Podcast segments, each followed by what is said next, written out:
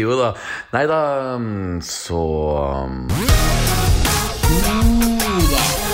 Neida. Så Nei da, så Ja, så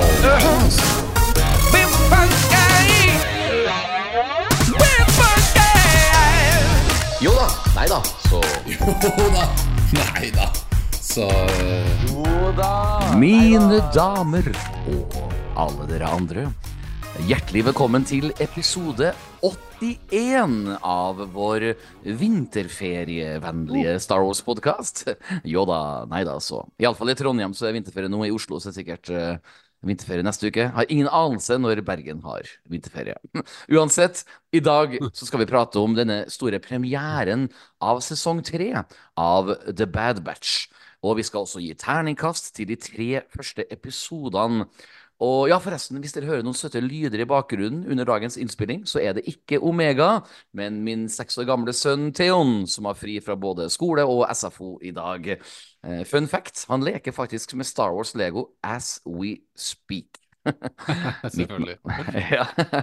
Mitt navn er Petter Aagaard, og ved min digitale side, som alltid, så har jeg en voksen mann som også leker med Star Wars-figurer, eller miniatyrer heter kanskje de greiene som eh, han holder på med. Han skal så klart få lov til å fortelle oss hvilke Star Wars-figurer han har malt siden sist, fordi her er en Mr. Knut Løksen! Hjertelig takk, Petter.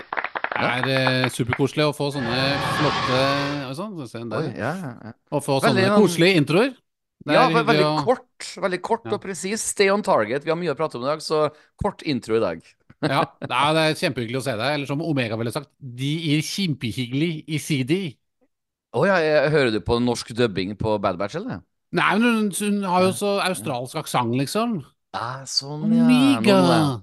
Nå er jeg med. nå er Jeg med Jeg, jeg så forresten en av episodene i forrige sesong på norsk, og det ble litt uh, ubehagelig. Det var lett, er bedre å gå tilbake til originaldubbinga. Ja, det er sjelden si det. det er liksom eh, Det, det er som når du så 'Løvenes konge', for eksempel, sånn, men Beyoncé er liksom litt hottere enn eh, noen litt sånne trauste norske De gjorde sikkert Ja. en fin jobb, det, altså, men Ja, Beyoncé ja, ja, er ja. hakket hvassere. Du, du rodde deg bra ut av den, det er helt ok. Du, før vi får inn vår gjest, du, har du malet noen nye Star Wars-figurer siden sist? Du har jo en imponerende samling nå, Knut. Ja, jeg har, eh, jeg har flere hundre figurer her bak her, så det, det, det er mange nerdetimer som ligger bak der. Altså.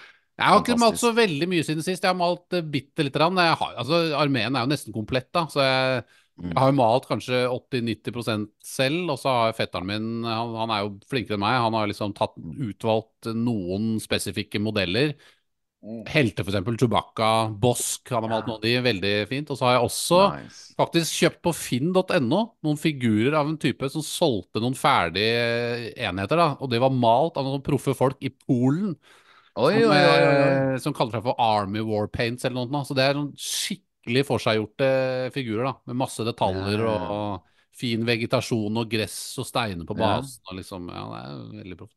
Apropos Polen, eh, hvis vi går tilbake i tid, så var jo eh, Hitler meget ivrig på å invadere Polen. Men det er jo en link der også vet du, til Polen og maling, for Hitler var jo også veldig glad i å male. Han eh, var jo berykta for å male liksom fire vegger på et hus veldig kjapt og Ja. greier. Ja. Og vet du hvem andre som eh, Apropos Hitler. Hvem andre som er, nå er vi Det, det, det gruver allerede, Petter. Ja, ja, ja. En som eh, også maler, malte miniatyrer, som også eh, spiller en Star Wars-karakter. Eh, Josef Frissel. Er han i Star Wars? Han kunne, han kunne vært en fin sånn Moff. Det sant? Han kunne vært en ond, eh, meget ond sist. Grand, ja, Moff, Grand Moff Fritzel. Ja. Nei, altså jeg tenker på Jeg tenker på eh, Peter Cushing. Peter Cushing, også som spiller Grand Moff Tarkin.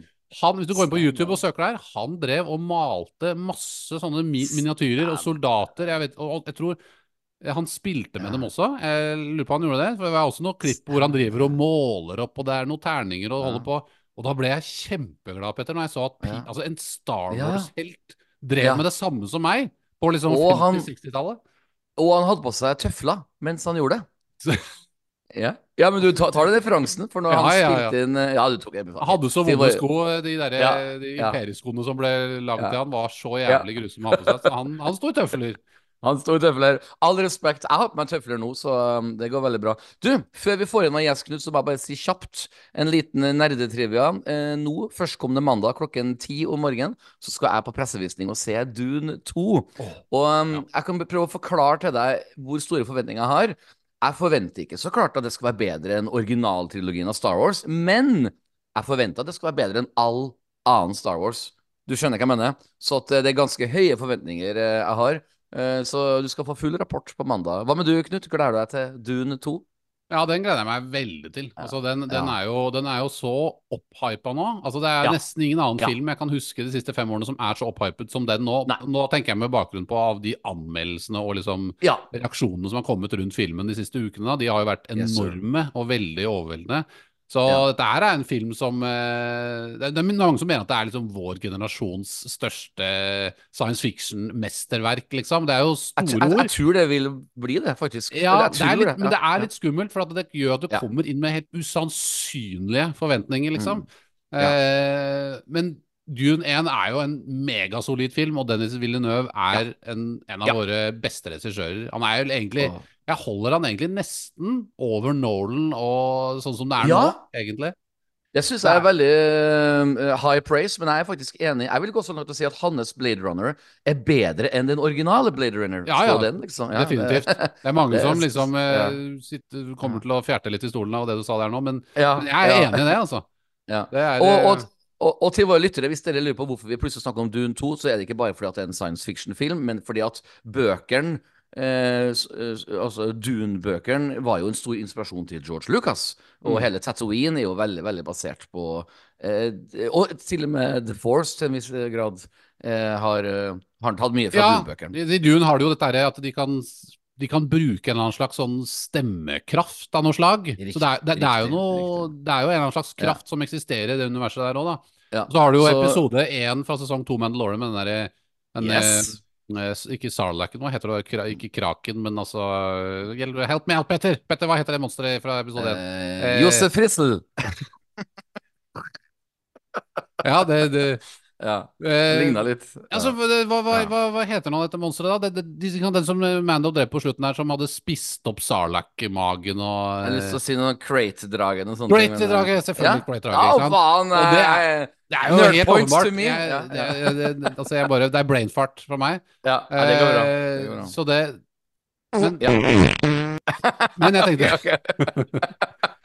Men ja. poenget er at den er jo inspirert av disse der sandormene Ja. i Dune. Det var det jeg skulle fram til. Ja, det det var veldig mye Og, og, ja, men det, det, jeg tidligere, det egentlig jeg skulle fram til, var bare at så før våre unge lyttere begynner å se Dune 2 og tenke Oi, de har kopiert fra Star Wars, så er det faktisk motsatt at George Lucas har kopiert fra Dune. Nå, mine damer og herrer, skal vi få inn dagens gjest.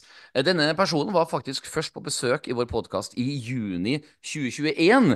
Og da snakka vi også om The Bad Patch, som vi skal snakke om i dag. Eh, Han var igjen på besøk når vi snakka om våre Obi-Wan Kenobi-forventninger. En meget fargerik episode hvor vi hadde altfor høye for forhåpninger til den serien. Eh, Sist gang han var på besøk, snakka vi om både The Mandalorian og The Bad Batch. Så det er bare helt naturlig at han må nok en gang komme tilbake nå som The Bad Batch har starta sin aller siste sesong. Jeg sa The Bad Batch, men The Bad Batch. Um, folkens, Trondheim, Bergen, Oslo. I dag blir det mye dialekter. En spicy gryte med animerte meninger, så vi bare kjører på. Mine damer og alle dere andre, ønsk velkommen tilbake til vår podkast for fjerde gang, Mr. Eirik Heipindal! Hello there. Obi-Wan you think as you do, Eirik Harfendal. Knut and Petter is your masters now. They will show you the true nature of the Force. Yes, sir. Velkommen. Ja. Takk, takk. Det er alltid stilig med en uh, customized introduksjon. Blir aldri lei av det. Nei, det, det er ryddig. Knut har virkelig uh, the, the, the hands on the trigger når det Det er kommer veldig til ja. Det Reodor Felgen av lydopptak, de de Ja. klippene der. Ja. Du, Erik, det, hver gang du har vært vår gjest, så har vi hatt eh, interessante ting å prate om. Og i dag vil jeg være så vågal å si at det er intet unntak. Uh, hvor tidlig i går satte jeg ned og så de tre første episodene av The Bad Batch? Nei, det var nok uh, omkring jeg fikk beskjed om å være på denne podkasten, dessverre. Jeg hadde ikke Ah. fått uh, kommet rundt Ah. til å se den, Ah. så jeg satte meg ned med en gang og så alle tre. Ja. Binge- Binge-watchet de, for å si det sånn. Ja, men det er jo egentlig en eh, positiv ting, for da, da var du sikkert ekstra konsentrert i Ja, ja, ja, og, og og vel vitende at du skal prate om det. Ja. Jeg sa på Jordan Eidarsson, jeg sa på Jordan Eidarsson, nå må jeg følge med, liksom. Det var Ja. sånn, veldig sånn hyperfokus. Ja. Ja, ja, ja. Ja, ja, men, men eh, jeg, jeg føler det sjøl når jeg ser på spesielt Bad Batch, så føler jeg sånn at jeg, jeg må huske på hva jeg ser, for jeg skal tross alt prate om det. Um, jeg, har, jeg, jo, jeg har jo forberedt dere to på et spørsmål som jeg skal stille dere, men før jeg stiller det spørsmålet, skal jeg stille et annet spørsmål som dere ikke følger på. Og det er, handler litt om episode én. Jeg bare går rett på sak her.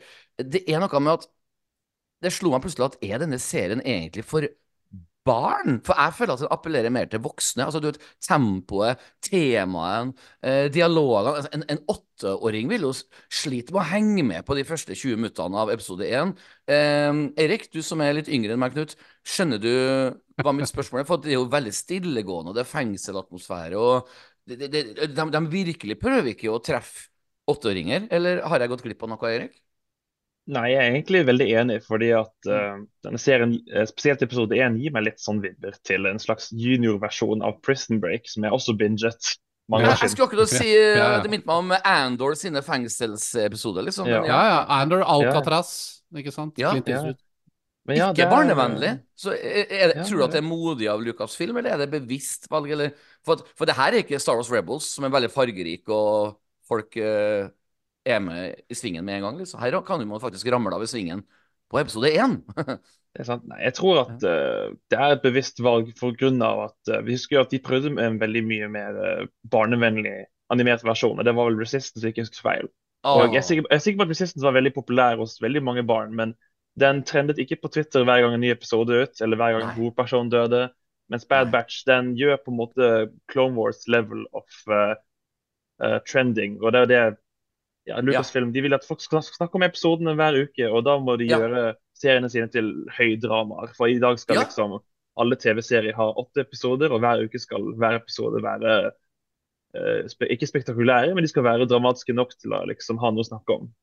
Ja, ikke sant? Uh, Knut Løksen, jeg skal stille deg det samme spørsmålet, men jeg kan bare innlede med å si at uh, siden Erik uh, nevnte den derre Star Wars Resistance, og jeg skjemmes litt over å si det her med tanke på at jeg er en medpodkastprogramleder i en Star Wars-podkast, så jeg skjemmes litt over å si det her, men eh, de siste sånn syv, åtte, ni eh, episoder av eh, Star Wars eh, eh, Nå glemte jeg til og med hva serien het igjen. Eh, hva het den igjen? Resistance. Resistance, ja.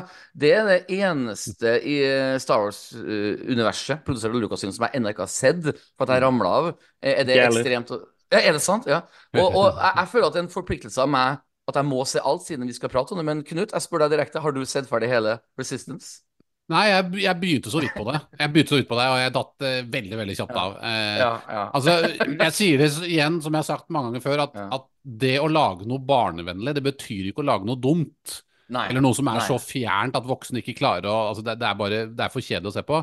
Med mindre du er i så lave aldersgrupper, sånn som. Young Jedi Adventures, for eksempel, da, som jeg heller ikke har sett. Eh, Nei, det, det, det har hoppa av, dessverre. Det, det er veldig tydelig. Det er der du på sånn toddler-nivå på, på, Ja. på publikummet ditt. ikke sant? Og det er greit, det er helt fint, men da er det liksom et veldig tydelig skille at dette her dette er sånn Drømmehagen og Honky Plonky og Nikki Nonken eller hva det faen det heter for noe der Ja. syrete greiene de drev med. Ikke sant? Det, Ja. er på det nivået der. Men når du skal lage eh, god animasjon Mm. som ikke er for voldsom, men eh, heller ikke for barnslig, så føler jeg at eh, Bad Batch plasserer seg helt perfekt der. Og så har de jo Ja. Du kan jo godt si at de har eh, hatt to sesonger nå som er Mm. litt sånn som Phantom Menace og, og Attack of the Clones. At det er liksom Ja, det er noen mørke elementer, men det er mange lyselementer også. Og det er mange episoder som er veldig sånn eh, Lett for eh, yngre seere å koble seg Ja. på da, og, og like å forstå. Men når du da kommer til liksom eh, Når vi er ferdig med det filler-sakene der, så kommer Ja. liksom til den tredje akten hvor du må Ja. skynde deg å komme til kjøttet i historien. Ja. Og det er Ja. det vi er i nå, da. For jeg har jo sett de første åtte episodene. Du somla jo litt. somla litt Ja, etter. beklager. eh, Det gikk uh, Life got in the way. Uh, Life got in the way. Jeg, jeg, fikk det er tilgang til de første åtte episodene jeg direkte, direkte fra Disney Pluss. Ja. Det jeg kan si om det første du skal ikke spoile noen ting, selvfølgelig. eh, Men det jeg kan si, er at det, det er veldig sånn det, som gjør at den skiller seg ut fra de to foregående sesongene, er at det er liksom et, sånn, eh, et tydelig narrativ fra A til Å i de åtte, Mm. episodene som handler om hva hovedfortellingen er her. Og det gjør Ja. jo ikke alltid de to første sesongene. Og ikke Nei. i løpet av de første åtte episodene heller. Så at dette her har et, har et mye sånn mørkere et, et fokus som de andre to sesongene ikke har Ja. hele veien igjennom, da. Så du får Ja. mer sånn Revenge of the Sith-følelse sånn sett eh, på denne. At vi er liksom i gang med hoved... Det vi vil vite i fortellingen. Ja. Der har vi et lite problem. Jeg skal stille dere begge to dette spørsmålet her. Eirik kan få, lov til å svare først. og Det handler egentlig om at uh, Ta sånne store YouTube-personligheter som John Campia, som har egen filmkultur eh, på uh, YouTube-kanal. og Han sier liksom at han, han har hoppa av Bad Batch uh, halvveis i sesongen. Og da er jo fare for at han ikke får med seg at det faktisk blir bedre i sesong tre. For jeg vil jo være så vågal å si at, ikke for å spoile mine tanker, men allerede etter spesielt episode 1 og episode 3 så sitter jeg igjen og tenker This is actually quite good. Men uh, folk vil jo ramle av pga. det som Knut sa. Te- Tenker du noe på det, Erik? At eh, Lucasfilm gjør seg sjøl en bjørnetjeneste med å spare det beste helt til slutt, for at folk vil ramle av på vei opp til sesong tre? Nei, jeg tror at uh, ville sagt at de er definitivt mer forsiktige i begynnelsen. De vil ikke være Mm. for voldelige med en Disney pluss barneserie som de vet så mange barn kommer til å strømme. Og senere oppdager de å ja, voksne de er jo også glad i Clone Wars og Star Wars. Ja. Vi må appellere litt mer til dem. Det kan jo Ja. være det. Og så, Du nevnte i sted at um, Vi snakket litt om Prison Break, ikke sant? Selv om den første episoden har jo også en bitte liten uh, subplot hvor uh, hovedpersonen sier nå, nå må du gå, Lassie, gå, Lassie, før vi kommer og tar deg. sånn. Ja, Veldig ja. sånn appellerte barn. Jeg, vil, jeg, jeg har lyst til å se på meg Schofield i Prison Break. Ta en liten sånn vakthund og bare 'Nå må du gå, vakthund! Gå før vaktene får vinne deg!' Sånn. Ja, det går ja, Be- ja. Bell- Bella. Ja.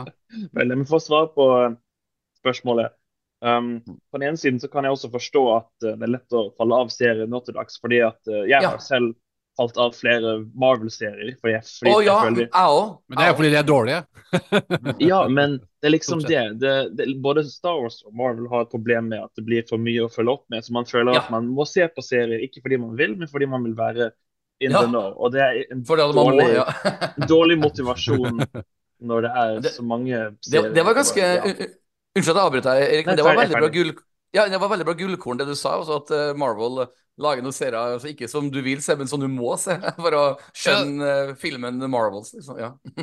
Men det jeg skulle følge opp med, et lite poeng som du også var litt inne på der, Eirik, er jo dette her med, mm, med, med Bad Batch. At de to, det, det som er smart da med oppbyggingen av de tre sesongene som er nå, er at de har jo fått med seg en del yngre seere på de to første sesongene. Og da er det nok Ja. lettere at de nå fortsetter å følge med, fordi de er allerede investert fra de to første sesongene. Og selv om det er litt mørkere og et litt annet tempo nå, så, er det, så har de liksom uh, huka tak i de eh, fansene og de yngre scenerne. Så, så hvis de hadde gjort det Mm. omvendt, at dette var den første sesongen, så hadde de nok, så hadde de nok slita med de, slitt med de yngre seerne. Men sånn som det er nå, med den oppbyggingen, så tror jeg det har fungert. Uh, Akkurat som smart. Clone Wars i 2008. Barnslig film, film, barnslig sesong 1, og så har du sesong Ja. 6-7 som er Ja. ja, Ja. tear-jerking. Ja, ikke Og sant? Så syns jeg Erik hadde en annen gu- gullkorn. og det, altså, Du bare nevnte begrepet binge-watching, og så nevnte du Prison Break. og Det er litt artig for meg, for at det aller, aller aller første serien jeg noensinne binge-watcha i mitt liv, var faktisk eh, Prison Break. For at jeg hadde fått lånt liksom sånn DVD-boks ikke sant, med de første tre-fire sesongene. Og jeg bare sånn. Jeg satt en hel natt, jeg husker for jeg klarte ikke å slutte å se på, for det var så bra. Ja, Meget undervurdert serie. Jeg vil si at den er en sånn topp fem of all time. Jeg var også var helt hekta Ja. på den. Jeg, var, altså, Ja. jeg, jeg, jeg husker Ja. jeg hadde omgangssyke en gang, og det eneste Ja. jeg greide, det var å se på Prison Break. Ja, det, det, det er virkelig, virkelig. Jeg, jeg, jeg, jeg kjenner jeg smiler bare jeg tenker på for jeg, Hjernen min blir stimulert av gamle minner over hvor godt jeg likte og, Og, og, sånne cliffhangers hvor de plutselig havner i fengsel i Sør-Amerika. og du, Jeg må se mer! Jeg må bare begynne med liksom neste sesong. Er Bra casting òg. Men gutter, jeg har jo eh, forberedt dere på mitt første sånn offisielle spørsmål i dag. Og det er jo litt sånn um, todelt, egentlig to spørsmål i ett. Jeg kan starte med vår gjest Erik, og mitt spørsmål er altså um, som følger. Altså, synes du uh, at det er lurt at Lucasfilm så tydelig og til en viss grad så uforskamma måte insisterer på å bygge historier som faktisk backer opp denne grusomme avslutningen på sequel-trilogien? Da tenker jeg så, så klart på Somehow, Palpatine returned. Og, og, og mitt andre spørsmål er det egentlig mulig å redde eh, den avslutninga på sequel-trilogien? Vær så god. Ja, så det er ikke et lett spørsmål. Nei. Ja, nei. Men jeg kan si at eh, på den ene siden så er det vanskelig å svare på det før vi har sett konklusjonen. Um, men for, for å se på det vi har nå, vi har jo hatt, hatt flere sanger av både Bad Batch og Mandalorian, som går i dybden på kloning og prøver å linke dette til keiseren og hva som skjer Til og med, til og med Obi-Wan Kenobi ser vi jo døde jedier nede i kjelleren. Ja.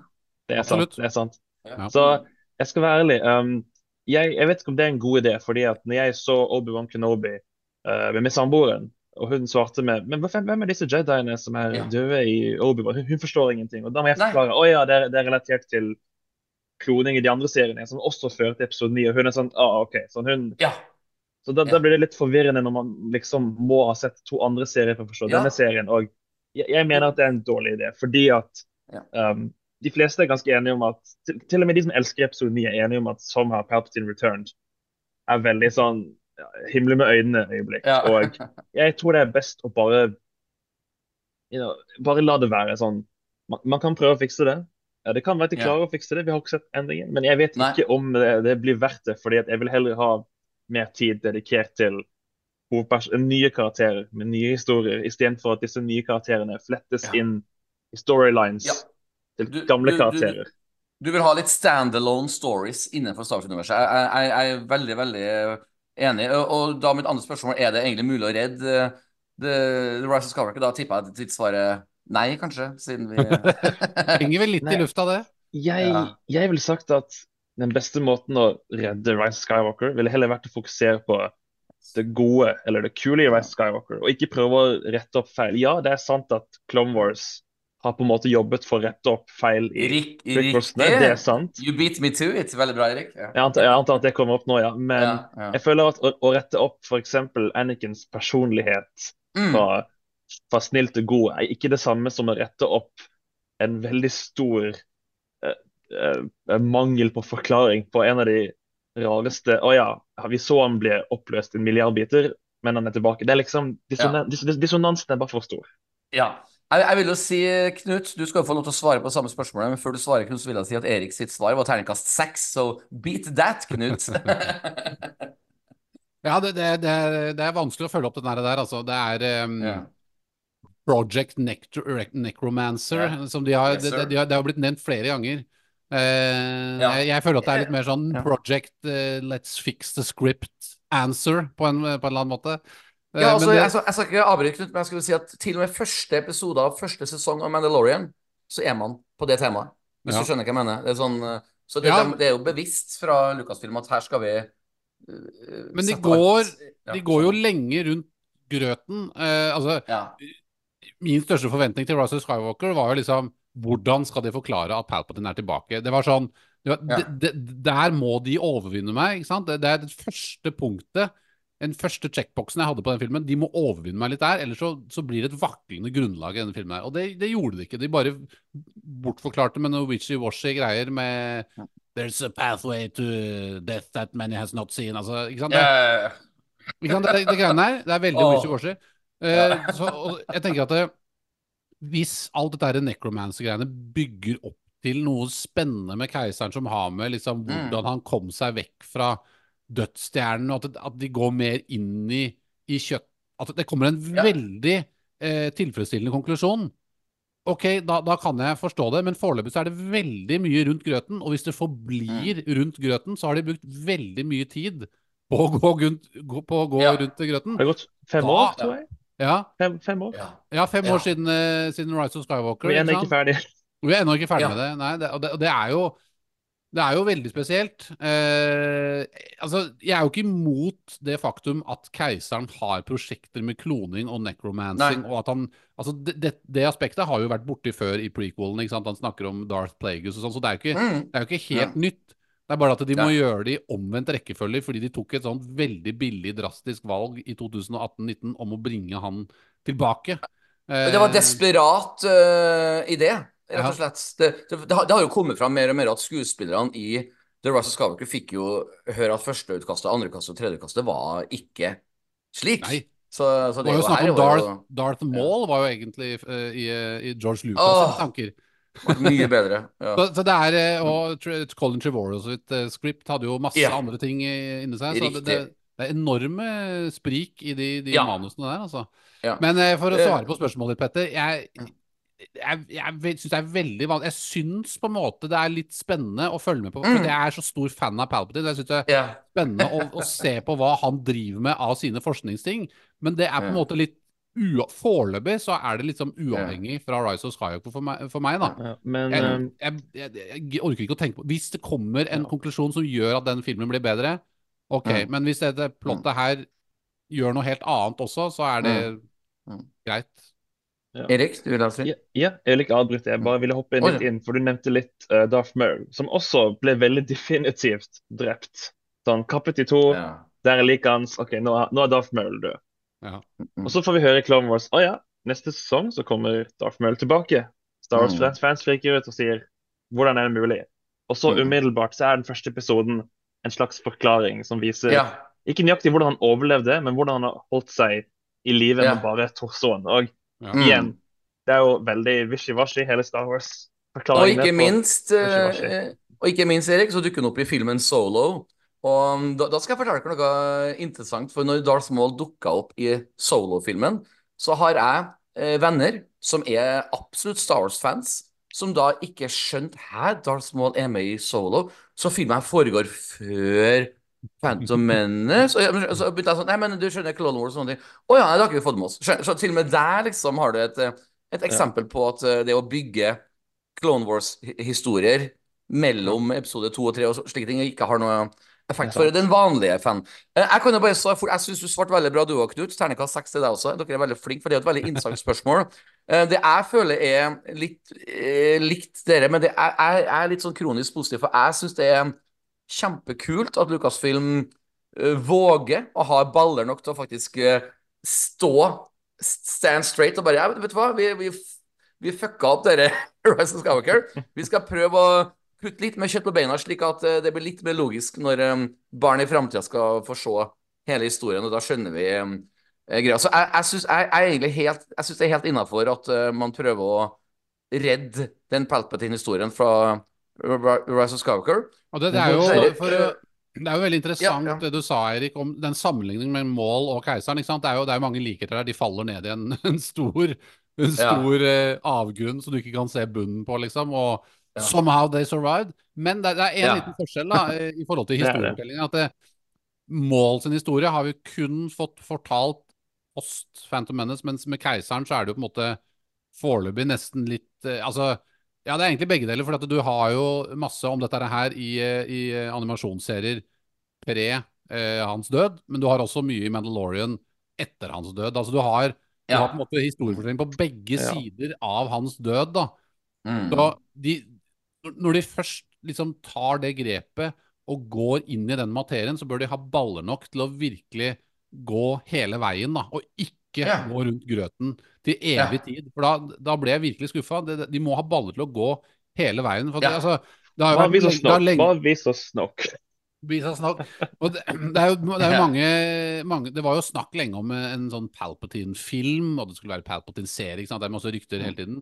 Men, men her er det jo, de har jo muligheten til å gjøre et eller annet gøy med dette her. Og, men da er de nødt for å, å virkelig det, det virker som de på en måte teaser oss litt, og så liksom sjekker de Mm. temperaturen på fans og så er de interessert i dette, eller er de ikke. på Ja. dette. Og vi snakker, jo om, det her, så Ja, og um, bare for å svare på det andre spørsmålet jeg stilte altså er det mulig å redde filmen Russell of Da er svaret mitt et soleklart nei. For uansett hvor mye historie du lager utenfor en film, så kan ikke det redde en standalone-film. Så at uh, uh, The Rise of Skywalker vil for alltid for meg være en stor skuffelse. Uh, for det, for, og, og egentlig på en måte større skuffelse enn The Phantom Menace var tilbake i 1999, fordi at Disney burde ha lært av George Lucas sine feil. Og det er derfor det er ekstra sjokk for meg. For som våre lyttere vet, jeg var jo um, big defender av både Force Awakens og The Last Jedi, men til og med jeg ramla jo sammen, så klart, når Rise of Skywalker kom. Eh, hva med du, Erik? Eh, var det en rar dag eh, i desember 2019 når du så at Palpatine had somehow returned? somehow had sex. Nei, altså. Ja, ja, ja. Det var litt, vi, alle, vi alle tenkte på Vi alle tenkte på det. Og, um, Jeg, jeg gjorde det. Jeg tenkte bare, oi, Men, altså, men han, hadde han, hadde, han hadde jo ikke det da. ikke sant? Han hadde ikke det- det. Og, og det er jo egentlig en, en brist i filmen, det at de sier at han er He's your grandfather, sier Kylo Ren Ja. til, til Ja. Men han er jo ikke det. Altså, Altså, fordi at det, Faren Ja. til Ray er jo en klone som han har designet, så han er jo ikke faren til en klone Nei, han har vært med på Men nå, nå sa jo Og det betyr jo, og det betyr jo at Snoke er Snoke en slags klonebror til faren til, til Ray. Så det betyr at Snoke er en slags, er en slags grand, nei, sånn, eh, hva det, steonkel til Ray. da Så Ray er i slekt med Snoke, liksom. Ja, Det er jo basically det. Ray, altså, altså, jeg- I am your step granduncle. Ja, ja, ja, det, jeg, jeg har notert meg på Kloneonkel. Han er en kloneonkel. Klonebestefar og kloneonkel. Ikke bare det, bare vent snart, så finner vi ut at uh, Omega og Ray er tremenninger og slike ting. Altså det Men um, hvis dere har lest siste utgave av Empire Magazine, Ja. det filmmagasinet, så sier jo Ian McDermott, han som spiller Palpatine, at jo da, ja, keiseren hadde sex, men han er jo så klart bare en skuespiller som uttaler seg. Han, han kan ikke bekrefte hva Lucas og Disney Han snakket tenkt. om seg Men- selv. Det var det han gjorde. Ja, ja. ok, gutter. Veldig, veldig fin intro. Veldig, veldig fin liten halvtimestart der med prat. Nå skal vi altså prate om episode 1, 2 og 3 av The Bad Batch. Vi starter så klart med episode 1, som har den fengende tittelen Confined. Og da spør jeg deg, Knut Løksen, tradisjonen tro, hva tror du tittelen Confined betyr? Altså Confined, det betyr jo eh, at du er lukket inne, liksom. Isolert, eh, på en måte. Og det er jo det Ja. Det er jo eh, Omega, det er jo veldig, veldig Ja. bokstavelig. Og disse hundene er jo Ja. fanget der. Men det er jo flere som er det, da. Jeg tenker hun Ja. Emery, hun andre klonen, Ja. søsteren til Omega. Riktig. Hun er jo også også en slags fange. Og jeg tror en, en ting vi ikke har tenkt på før, nå skal jeg komme med en liten teori her, right off the bat, som det heter. Ja. Hun har jo disse brillene og den der greia rundt huet sitt. De har vi aldri snakket om, og de er veldig sånn Hvorfor har hun det? Og så tenkte jeg Det minner meg veldig om han derre Lobot fra assistenten til eh, Lando oppe på Bespin der. Ja, Hvis du husker ja, han, ja, ikke sant? Han har jo en sånn, og han blir jo liksom styrt og kontrollert. Jeg, jeg tror hun har en eller annen slags eh, At noen styrer henne med de brillene og den derre Ah, ja, ja, ja. Yara-lignende greiene hun har rundt der. For hun er en klone som på en måte eh, gjør jobben for han eh, Hemlock. Ja. Vet, vet, vet, hvem jeg tror, uh, vet hvem jeg tror hun er mammaen til? Ray. Dr. Pershing. Ja, det, det er hun jo selvfølgelig. selvfølgelig. ja, det- det kan være en greie. Ja. Det har jo, altså Dr. Pershing snakket vel om Han nevnte vel moren sin i en- Exactly! Exactly! Ja, ja, ja. Så, er Everything is connected! Er Everything is connected. Ja, det er slekt. Eh, gutter, før vi prater om episode 1, så må jeg bare si at episode 1 og 3 henger jo ganske sammen, men likevel så deler vi dem opp i dag, bare så at vi får dele våre terningkast og sånne ting. Og um, jeg må bare si at uh, som Knut var innom det der Project uh, Necromancer Vi har hørt om det i Mandalorian før. Altså, som sagt, it's all connected. Og um, egentlig hele handlingen i Mandalorian henger jo sammen med dette. Og du vet, søket etter Grogu, uh, Moff Gideon sitt prosjekt. Altså med andre ord, um, Omega er jo The Bad Batch sin Grogu, for å si det på en annen måte. Og som jeg tidligere nevnte, i Obi-Wan Kenobi-serien så ser vi også dette søket etter døde jedier for å utnytte dem på en vis. It's like poetry. It rhymes. Så iallfall, Omega har M-counts, altså midichlorians. Eh, Omega har altså rett og slett jedi-blod. Eh, noe som vi har egentlig merka tidligere med hennes connection med dyr og lignende. Så Erik, har du også tenkt på det? At Omega har eh, The Force? Har du tenkt på det allerede i sesong én og sesong to? Eller, eller kom det som en overraskelse på deg nå i sesong tre at uh, Omega har uh, that extra force Boost. midichlorian? Extra boost. Ja.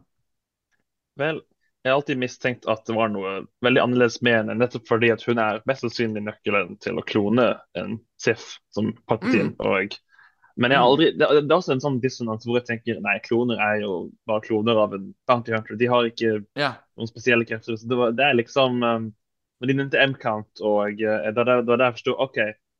Det, er- det er et eller annet Hvem vet? Kanskje sangfinalen ender med at hun leviterer noen, eller et eller annet. Det, hvor en karakter, hva, hva om sesongfinalen er at en karakter holder på å falle ned i døden, akkurat som en tidligere karakter, Mm. og så klarer hun å løfte den personen til sikkerhet fordi at Mm. hun har ja, et eller annet.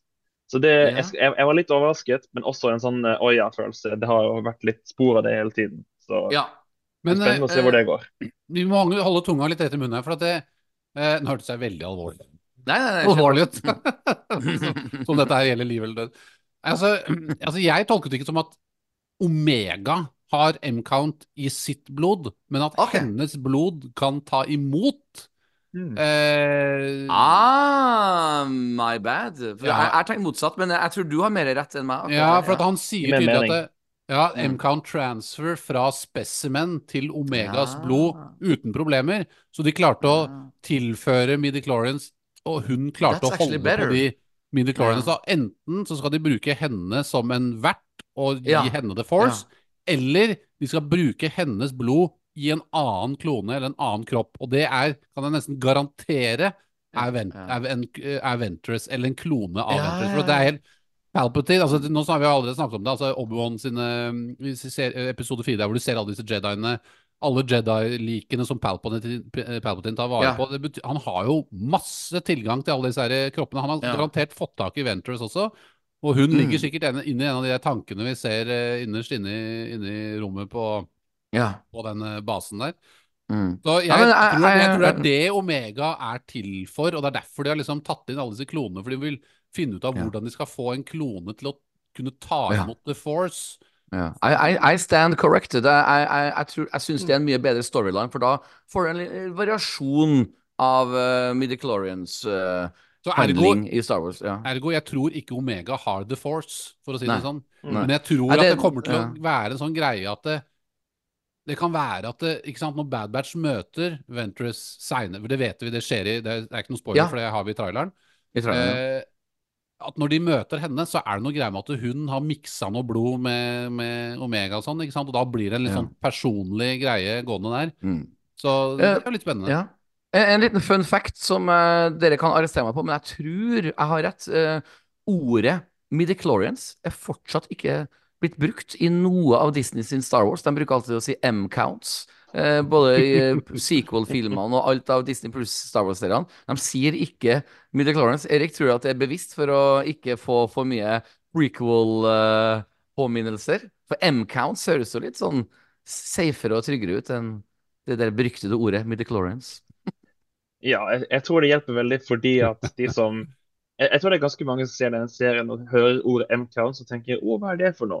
Ja, ja, ja. de prøver liksom å tiptoe litt rundt det Ja, vitenskapelige. tiptoe, ja. Mm. Ja. Det høres ut som et boyband, egentlig. Mm. M-count. Ja. Her kommer M-count med liksom Ashton Kutcher og Robbie Williams skal fremføre sin Ja, låt. ja, ja, ja. I've got the Eh, force. Jeg har jo, um, som dere sikkert vet, eh, mye sånn skuespillerteaterutdanning, eh, sk- så jeg er jo veldig opptatt av regivalg hver gang vi er på den podkasten. Og her må jeg faktisk rose The Bad Batch på episode én, for hvis dere ser han Roy Samlock sin introduksjon her nå i første episoden, så får du med, får du med en gang inntrykk at han er ond, eh, slu, eh, empatiløs. Altså, du merker i løpet av det første minuttet av episode én at han ikke engang bryr seg om disse stormtrooperne, stormtrooperne som krasjlander. Og det syns jeg er bra regi, for da, Mm. blir vi, da får, får vi fortalt at han er en sleiping uten at uh, Altså, vi ser hans trekk uten at vi blir ja, Uten at han sier det. Han sier Ja. ikke 'I'm evil', du ser bare 'slå av knappen der', vi orker ikke å høre på dem hyle og skrike. Det liker jeg. Jeg liker å, å se ting, ikke bli Mm. for forklare ting. Um, og forresten, den planeten de er på der, det er jo en planet som blir nevnt i Timothy Zahn sin aller første Star Wars-bok, uh, 'Air to the Empire'. Det er sånn artig Er det det, ja? ja. Ja, en, ja, ja, en Legends-bok, da. Eh, Legend-bok, riktig, riktig. Så, så egentlig um, Det jeg egentlig skulle fram til, er egentlig bare at um, hun Nala C har jo et oppdrag med å ja, Hennes oppdrag er jo veldig tydelig her. Og du, hun skåner jo konstant um, eh, Omega. Eh, men jeg tenker på Du vet, siden hun kaster alltid blodpørene ikke sant, til, Omega. ja, ja, ja, det jeg la merke til, at uh, hver gang hun gjorde det, så kom Palpatine sin theme-musikk i bakgrunnen Ja. de zooma inn på blodprøvene. Nok en gang, bra regi. Um, og så Ja, de, var jeg jo bare ja. Ja, unnskyld. Ja. Nei, de, de, de er, jeg er veldig enig med deg med introduksjonen av hele episoden. er veldig kul, fordi Mm. at det, første scenen handler om å vise oss, eller etablere liksom hvor mørk og hvor ond og kynisk eh, Hemlock er. Det er jo det det første liksom, delen dreier seg om, og det, det gjør de på en ganske kul måte. Ja. Da etablerer liksom en sånn greie i skogen og med det, det romskipet som kommer inn der og, og liksom krasjer der. Og det har jo en betydning for hva som skjer i episode tre og sånn. Altså, det er liksom Ja, ja, ja. en sammenfletting av historien, da. Og som du sier, det der, de blodprøvene der, det Ja. også digga jeg, for de kommer du tilbake til flere ganger i løpet av de tre første episodene. Akkurat som en, sånn, akkurat som en klokke som går. Det er nesten litt sånn Groundhog-aktig. ikke sant? Damene Ja, ja, ja, repeterer seg, og hun Nala C Ja. fjerner Vi- vi skal- blodprøvene. Ja, vi skal tilbake til på episode tre. Og det er egentlig artig at du nevnte at vi blander så mye med episode én og tre, for at um, jeg er veldig glad for at Lucasfilm eller Disney Pluss bestemte for å legge ut disse tre episodene samtidig. For hadde det vært tre uker mellom det her, så har det vært uh, tungt for meg personlig å se, bare se episode én og ikke Ja. bli så engasjert. For episode 1 blir bra pga. episode 3. Ja, det, det liksom er det. Ja. Absolutt. Ah, tilbake til det med uh, Omega, og det, er derfor jeg, hvorfor jeg tenker at hun kanskje har jedi-gener, er jo at hun har mye empati. Altså, og, og, og, og, så tenker jeg sånn um, Altså Ta for eksempel Crosshair. Altså, hun har nå vært fengsla i 169 dager. Og denne hunden Betcha får jo masse Omega-kjærlighet. Og det minner meg litt om denne Tales of the Jedi-episoden hvor Asoka connecter med det tigerlignende dyret eh, allerede som baby. Så at Mm. det er liksom Det er noe empati er jo på en måte en sånn Jedi-greie. Trait. Ja. Ja, og, og apropos empati, hva er det som rimer på empati? Emery. og hun viser, hun viser også en snill side, selv om hun fortsatt er 100% lojal til imperiet. Altså, she will defect Ja, men jeg tror hun blir styrt, skjønner du. Jeg tror hun blir Ja, styrt via ja, de der ja. brillene. Altså, det er et eller annet, og jeg tror Ja. hun har blitt torturert og gått gjennom mye av det samme Ja. som For, for, for no- nok en gang, uten at de bruker ord i denne episoden, så ser du at uh, Omega får tilbake det bamselignende greia si. Eh, Og det sier mer enn tusen ord, føler jeg. Eh, uh, så Derfor tenker jeg at hun der må være mammaen til Dr. Pershing. It actually makes sense. Men um, uh, Erik, uh, er det noen mer tanker du sitter igjen med første episode? For den er jo litt tynn på egen hånd. Den står ikke helt på egne ben. Som sagt, Derfor er det bra at disse tre episodene kom ut samtidig. Men eh, likte du episode én? Har du noe mer du vil tilføye før vi deler litt terningkast og slike ting? Ja, jeg er ganske enig i at det var en god idé å legge de ut eh, tre om gangen. Jeg mener alltid at eh, man kan legge ut et par episoder om gangen på en måte for å få litt eh, fart på ting. Og angående kvaliteten, så er jeg enig i at det var veldig bra regissert. fordi at, Ja. mener, du er, er, du, er du egentlig et skurkstykke, liksom? Hjelper dine egne undersåtter et par ganger her og der. sånn. Ja. Det, jeg, jeg, jeg synes det var veldig bra regissert. veldig bra eh, sånn foreshadowing. de legger veldig opp sånn. Jeg likte veldig godt når eh, Omega smugler ut noe. Jeg tenker å, skal hun prøve å starte en brann? Skal hun prøve å unnslippe med dette? Ja. Men nei, hun bare lager en liten dukke, for så glemmer jeg å ja, hun er hos barn. Det er sånn, Ja, ja, ja. Ja, ja. jeg likte veldig godt den inkluderingen. Og jeg liker det Ja. faktum at, eh, at uh, Omega har på en måte en annen uh, dame som er akkur akkurat som henne. Så hun ser liksom Det er litt- som eh, den personen er en slags eh, advarsel. Dette er hva Omega kan bli. Hvis Omega ikke kommer seg ut derfra, så blir hun en sånn kald og kalkulert person som Mm. på en måte bare følger ordre litt, litt mer blindt. Og jeg, jeg føler Mm. at liksom mm. det, hun, hun dama blir på en måte den motsatte av eh, en eh, helt på en måte for Omega. Ja, ja. Og hun Ja. sier jo hele tiden, Emery, altså, 'It's for your own good', sier hun flere ganger. Og det ligger litt Ja. i de replikkene der, da. For at det er Du må bare gjøre som de sier, så, så liksom holder vi det på det nivået vi er på nå, på en måte. Mm. Ja. Knut, har, har du noen flere tanker du rundt episode én? Altså, eh? Ja. Jeg sa som vanlig eh, det, det, Ja. tenker og tenker. Det er det jeg driver med. Jeg er sånn Star Wars-filosof. Jeg sitter på en stein med Ja. hånden opp på haken, sånn, så bare sitter jeg der i ti timer. Ja. Eh, det er ikke så langt unna sånn. Men eh, jeg tenker at eh, Jeg tenker at jeg, jeg digga den episoden der, jeg. jeg virkelig, Mm. altså selv Jeg er veldig enig med de tre episodene, eh, at de eh, Mm. henger sammen. At de ga Mm. ut de samtidig. Det er jeg. Men jeg syns denne episoden her skiller seg veldig mye ut fra eh, det vi har sett tidligere Bad Batch. For det, det er liksom veldig sånn Det er veldig isolert, og det handler om enkle yeah. ting. Det er dette vi fokuserer på, og det er kun dette. Og det er liksom Det er eh, tilbakevendende ting i løpet av episoden, med f.eks. de blod... eh, De og sånne type ting. ja. Som gjentar seg. ikke sant? Det går sakte. Det er et, det er et kjedelig liv innenfor de murene der. Hun, hun Mm. møter på Crosshair og har noen dialoger med han som er veldig fine. Eh, så det er en utvikling der også. Det, det er jo ingen, nei, unnskyld, jeg skal bare si, det er jo ingen hemmelighet at de beste episodene så langt i Bad Batch har ofte vært de som har hatt fokus på enkeltpersoner, ikke hele ensemblet. Så Ja. at, eh, det, er, det er en styrke. Det er en styrke, ikke sant? Og så er, er det Det er jo lite action i denne episoden her, da. ikke sant? Sånn det, jeg syns nesten det var litt digg også, fordi den, den klarte å Jeg så episoden, jeg har sett den to ganger. Jeg så den først på, på når vi fikk det fra Disney, men jeg så den om igjen i går. Og da satt jeg faktisk på et bil oppe på Tesla på bilverkstedet og så så på den episoden. Jeg hadde ikke med meg høretelefoner, for det hadde jeg glemt. Så jeg hadde bare på veldig veldig lav lyd på en telefon, og jeg var superengasjert hele veien. ja. There you go. There you go. Det sier Det- litt. Rann. Og, og da må jeg være ærlig med meg selv og alle andre som uh, lytter på, at ok, det, dette, var, eh, dette, var, eh, dette var kvalitet, dette var bra, dette var noe jeg virkelig likte. Så jeg, jeg syns den skilte seg ut fra andre ting, og det var en meget bra yeah. episode. Og så har jeg en liten jeg et lite spørsmål yeah. til dere gutta. En liten yeah. quiz om denne første episoden. Og det, den er veldig enkel. Og det kan jo, de som også lytter på, kan jo se om de klarer å gjette det. Kan, dere kan tenke på det i løpet av podkasten og se om dere klarer å komme på hva det handler om. Men eh, det går som følger. Hva har Tian Gergerod og Nala C til felles? Hvis det er noen av dere som klarer å svare på det direkte, så må dere gjerne si det. Hvis ikke, så kan dere komme tilbake til det i løpet av podkasten. Jeg kommer med svaret selvfølgelig på slutten hvis, uh, hvis ja, ja. Og hvem er Gerald ikke sant? ja, det var det jeg skulle til å spørre om. ja. jeg, kan jo, jeg kan jo komme et lite hint, for det er jo ikke verdens mest kjente, men det er en imperieoffiser som vi møter i originaltrilogien. I episode seks. Ah. ah, er det dere logoen på skuldrene?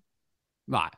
Nei. Det kunne vært det, selvfølgelig. Det var, det var et godt forslag, Petter. Men, takk, takk. Ja. Nei, men jeg skal komme tilbake til det. det er, hva har altså Tian Jerod, en uh, imperieoffiser som vi ser i Return of the Jedi, og hva har han til felles med Nala C? De, de, ja, det blir spennende. Ja, to be continued.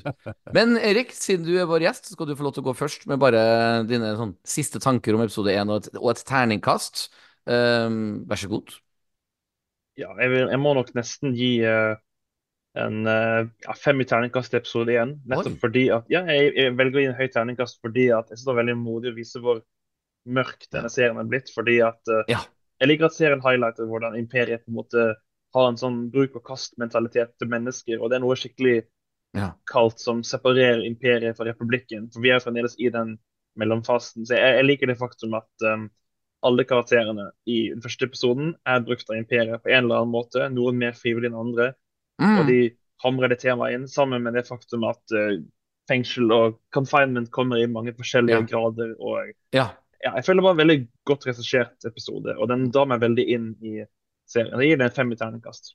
Ja. Jeg må bare si før Knut svarer, Erik, du er, du er flink å svare. Altså. Du, du har ryddige, fine svar og gode begrunnelser. Sånn gode Fin ja. elev. Du burde ha med eple til læreren også, føler jeg. Ja, solid podkast. Ja, solid podkastgjest. Jeg kan jo si såpass til Erik at de, de, komplimentene vi bruker å få fra våre lyttere, er at vi har litt sånne, hva skal jeg si, voksen-ish uh, saklige svar, sånn som du takk, takk. nettopp kom. Så jeg har vært uh, redaktør, så jeg har litt uh, erfaring med ja, men, lignende.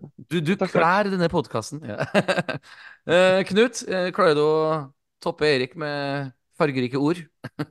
ja, Erik han er, han, er, altså, han er, mye flinkere enn det jeg var da jeg var på hans alder. Det er det jeg kan si. Mm, mm. men eh, men jeg tenker eh, det, det, altså, Jeg har jo allerede spoila litt eh, terning. Det blir et høyt terningkast her. For at jeg, jeg digga denne episoden her.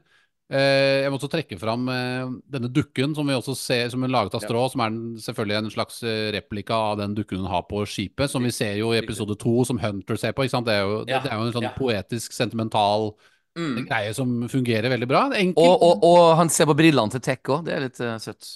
Ja, ikke sant? Ja, ja. Eh, det, det, er et godt poeng. Og så er det dette her som vi ikke har snakket mye om, disse, som jeg også likte veldig godt. Det er flere ganger som det, det er litt den samme effekten som disse reagensblodrørene hadde. Eh, at du ser det flere ganger. Det ja. samme ser vi jo med disse vannene som drypper nedi vasken Riktig. her. Mm. Men det er ikke bare fordi at liksom Jeg tenker at, uh, at, at hun, får, hun, har lite ressurser, at hun får uh, lite kost og losji, hun får lite å leve på, og hun har det rett og slett veldig kjipt. Det er også litt sånn symbolsk, jeg føler, at, at det er lite vann. Hun har jo vokst opp på Camino, ikke sant. Det er en enorm vannplanet, og vant ja. til å ha liksom alt. Mens her er det liksom ja. bare en dråpe vann i minuttet, liksom. Mm, mm. Så? Det er, det, det er jo en episode med lavt tempo, men fokus ja. på karakterer og ja. dialog og, og, fokus på Det er jo Omega sin episode, dette her. Ja. Eh, så masse positivt. Eh, men jeg gir den en eh, terningkast fem, jeg også. Det er der jeg lander. Jeg føler at dere har sagt det meste. Jeg kan bare si at jeg synes at Lucasfilm har vært veldig modig med denne episoden, og, våge å gjøre den så sakte i energi en første episode av en sesong tre. Kanskje litt for modig, for det kan jo hende at uh, utålmodige ADHD-lignende folk vil ramle av i svingen her.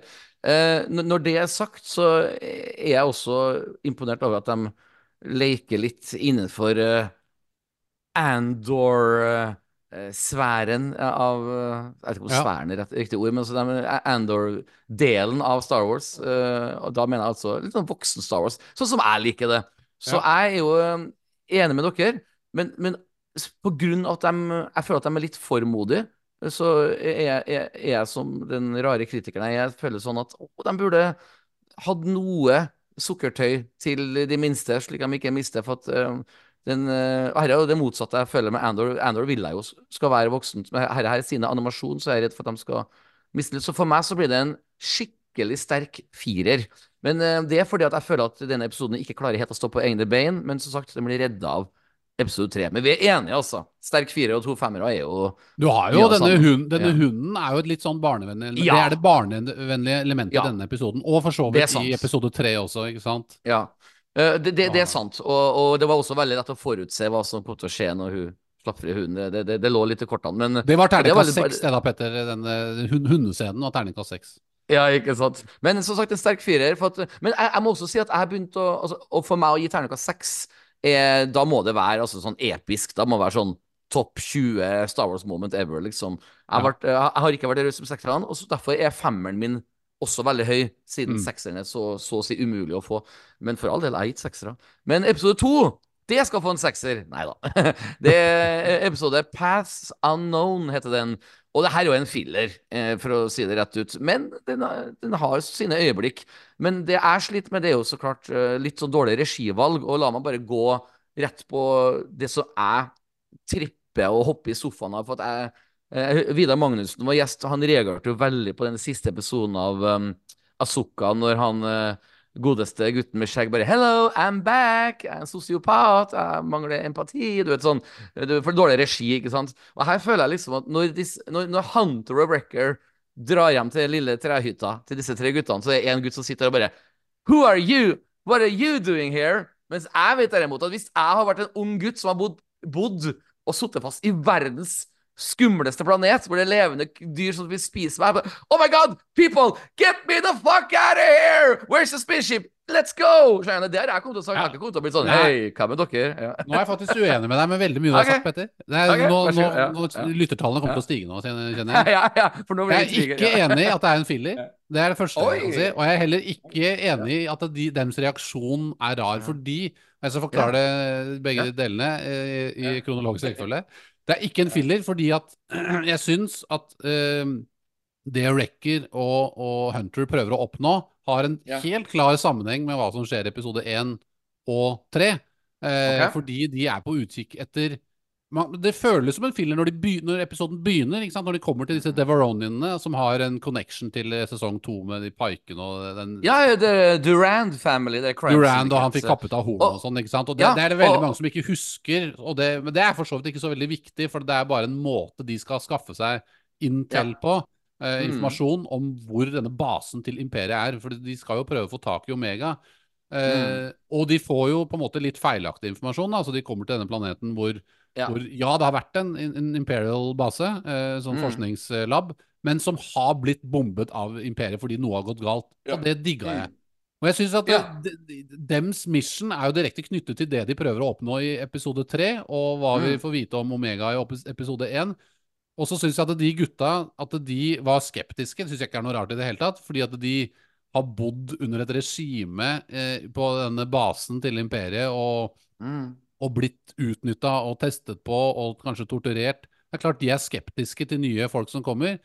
Så jeg er egentlig fundamentalt uenig med deg i alt. Ja, og Nei, er jo litt skummel. Han, han er stor, skummel Wrecker. Ja, de, sier- de sier ja, jo, ikke sant De må jo forklare seg selv at de ikke er Imperial. De er jo, altså Det er klart at de gutta der er kjempeskeptiske. De har bare forholdt seg til voksenpersoner som bare har utnytta dem.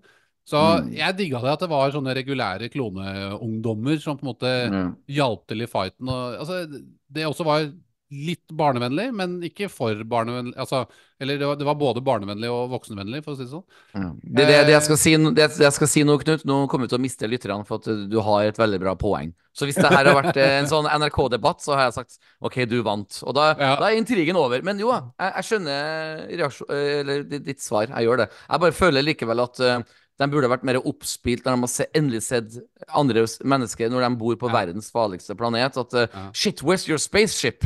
Let's get the fuck out of here. Jeg, kom til å tenke, men, men uh, unnskyld, Knut, du hadde mer Bjarte? Ja, Mer- altså, mer- vi kan jo gå igjennom etter hvert, men altså, jeg, jeg, jeg likte denne episoden også. Jeg likte Mm. kanskje første episode bitte litt bedre, men denne her var jo liksom oppe var oppe i samme atmosfæren for meg. Kanskje ikke like sterk, men, men eh, altså, også, det, det som trekker ned litt for meg, var at eh, at uh, jeg er ikke så veldig glad i sånne levende kvister og pinner. Jeg syns ikke det sånne ting er så spennende. Jeg vil heller ha karakterer eller, Ja. eller et eller annet kult monster. Det er greit. Men ja, jeg er enig der, altså. Ja. det, det, det var litt morsom Nå går jeg kanskje fort frem, men den, den siste Sarlac-lignende greia var jo litt morsom, den. Ja, ja. Men jeg syns ikke det er spennende når de må slåss mot masse pinner som stikker rundt. Jeg, det er liksom Vi, vi, vi skal for, tilbake eh, det. Ja, Unnskyld at jeg avbryter, vi skal så klart tilbake til det, Knut, men vi må jo så klart la vår gjest Erik eh, ta side her. Ja. Eh, Er en enig med Knut, eller en enig med Petter? Eh, Så Erik, do you like young boys? Jeg elsker unge Nei, nei. eh, Han er jo en ung gutt. Å, Det er Klart han, han må jo elske seg selv. Det er sant. Nei, du, Nei, du, jeg, du skal få lov til å ta side, vær så god. det er- forfriskende å Ja. se tenåringskloner. For vanligvis er det jo enten ja. younglings eller helt voksne. Så det er jo interessant å se litt mer langhåra tenåringer i eh, varierende aldre former. Og eh, Mm. det er også interessant å se én klone er Ja, hva, la oss bare La oss bare ditche den. La oss bare stjele skipet deres. Og en annen klone er sånn hva om, vi, hva om vi venter litt? Hva, la oss bare se den. Så det er interessant å se hvordan Ja. disse klonene kan være så forskjellige. Og, eh, ja.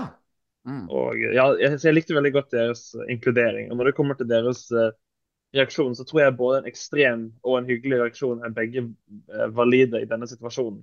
Mm. si det sånn.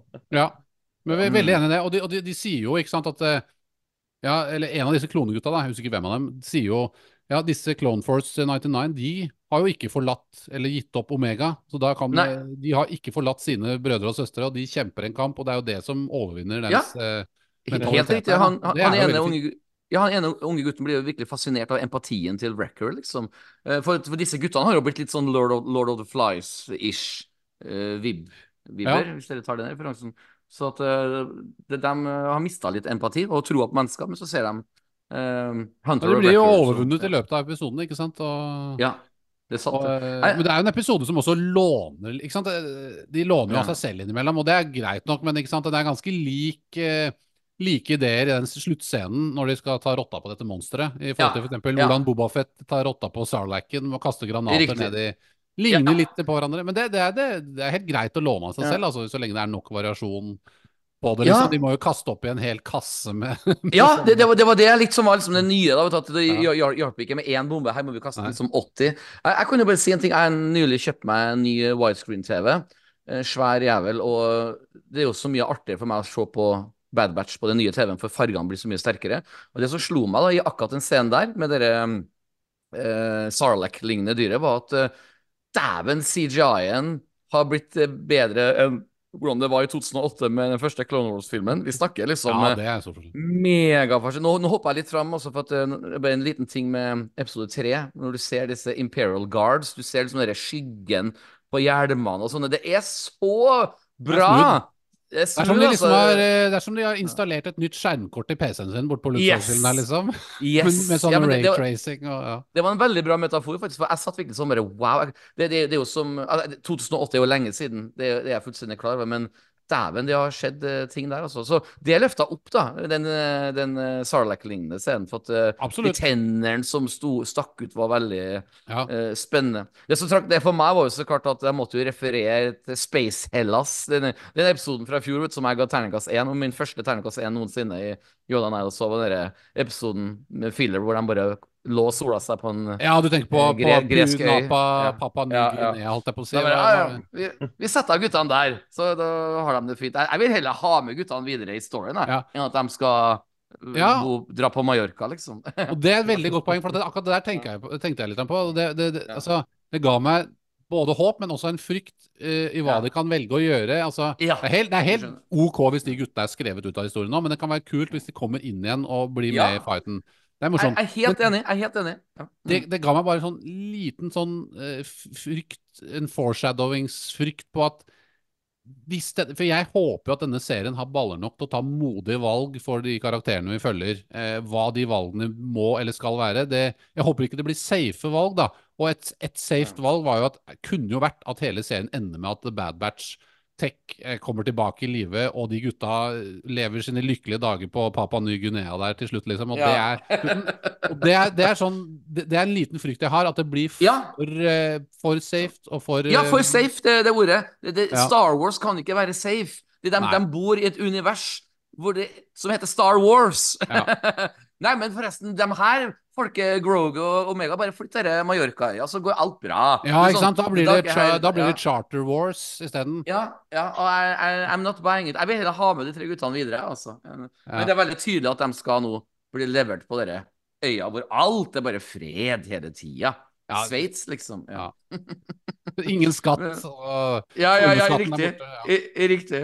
Eh, Erik, du har sikkert noen tanker, du òg. Nå har jeg og Knut gått litt bananas her, men eh, har du noen flere tanker rundt episode to?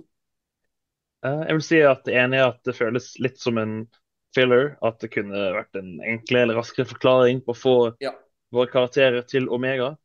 Eh, In your face, Knut. på, en annen side, på en annen side, det kan, det kan ikke være Han er veldig ung. fordi at de gjør en veldig big deal at Omega har tatt til fange, så de kan jo ikke gjøre hennes frigjøring for lett heller. Så jeg ser den balansen.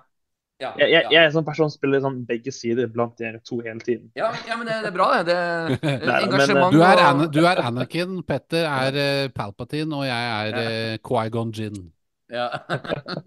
Men uh, jeg må også si at uh, selv om det var litt filler, jeg er glad at jeg, jeg, er veldig fornøyd med episoden nettopp fordi at eh, de monstrene ga meg litt sånn eh, Ja. Death Troopers, uh, vi- hvor de går inn i en facility med et failed experiment. Jeg tenker, å, får vi endelig Death Troopers? Får vi zombier? Vi fikk ikke zombier, dessverre. Nei, nei. Som, som, som Stemmer det.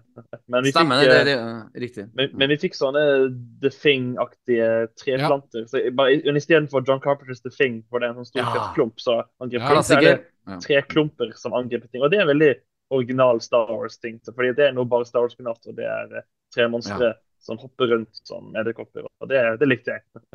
Kult Ja. design. Det, det, var, Det- var ganske kult. Jeg, jeg likte jo på en måte Jeg nevnte at jeg syns det er kjedelig med at de slåss mot pinner og kvister og lianer og sånn eh, i begynnelsen. Det De står jeg for, men det, det tok seg opp på, mot slutten. Ja, det tok seg. Eh, og De hadde tenner.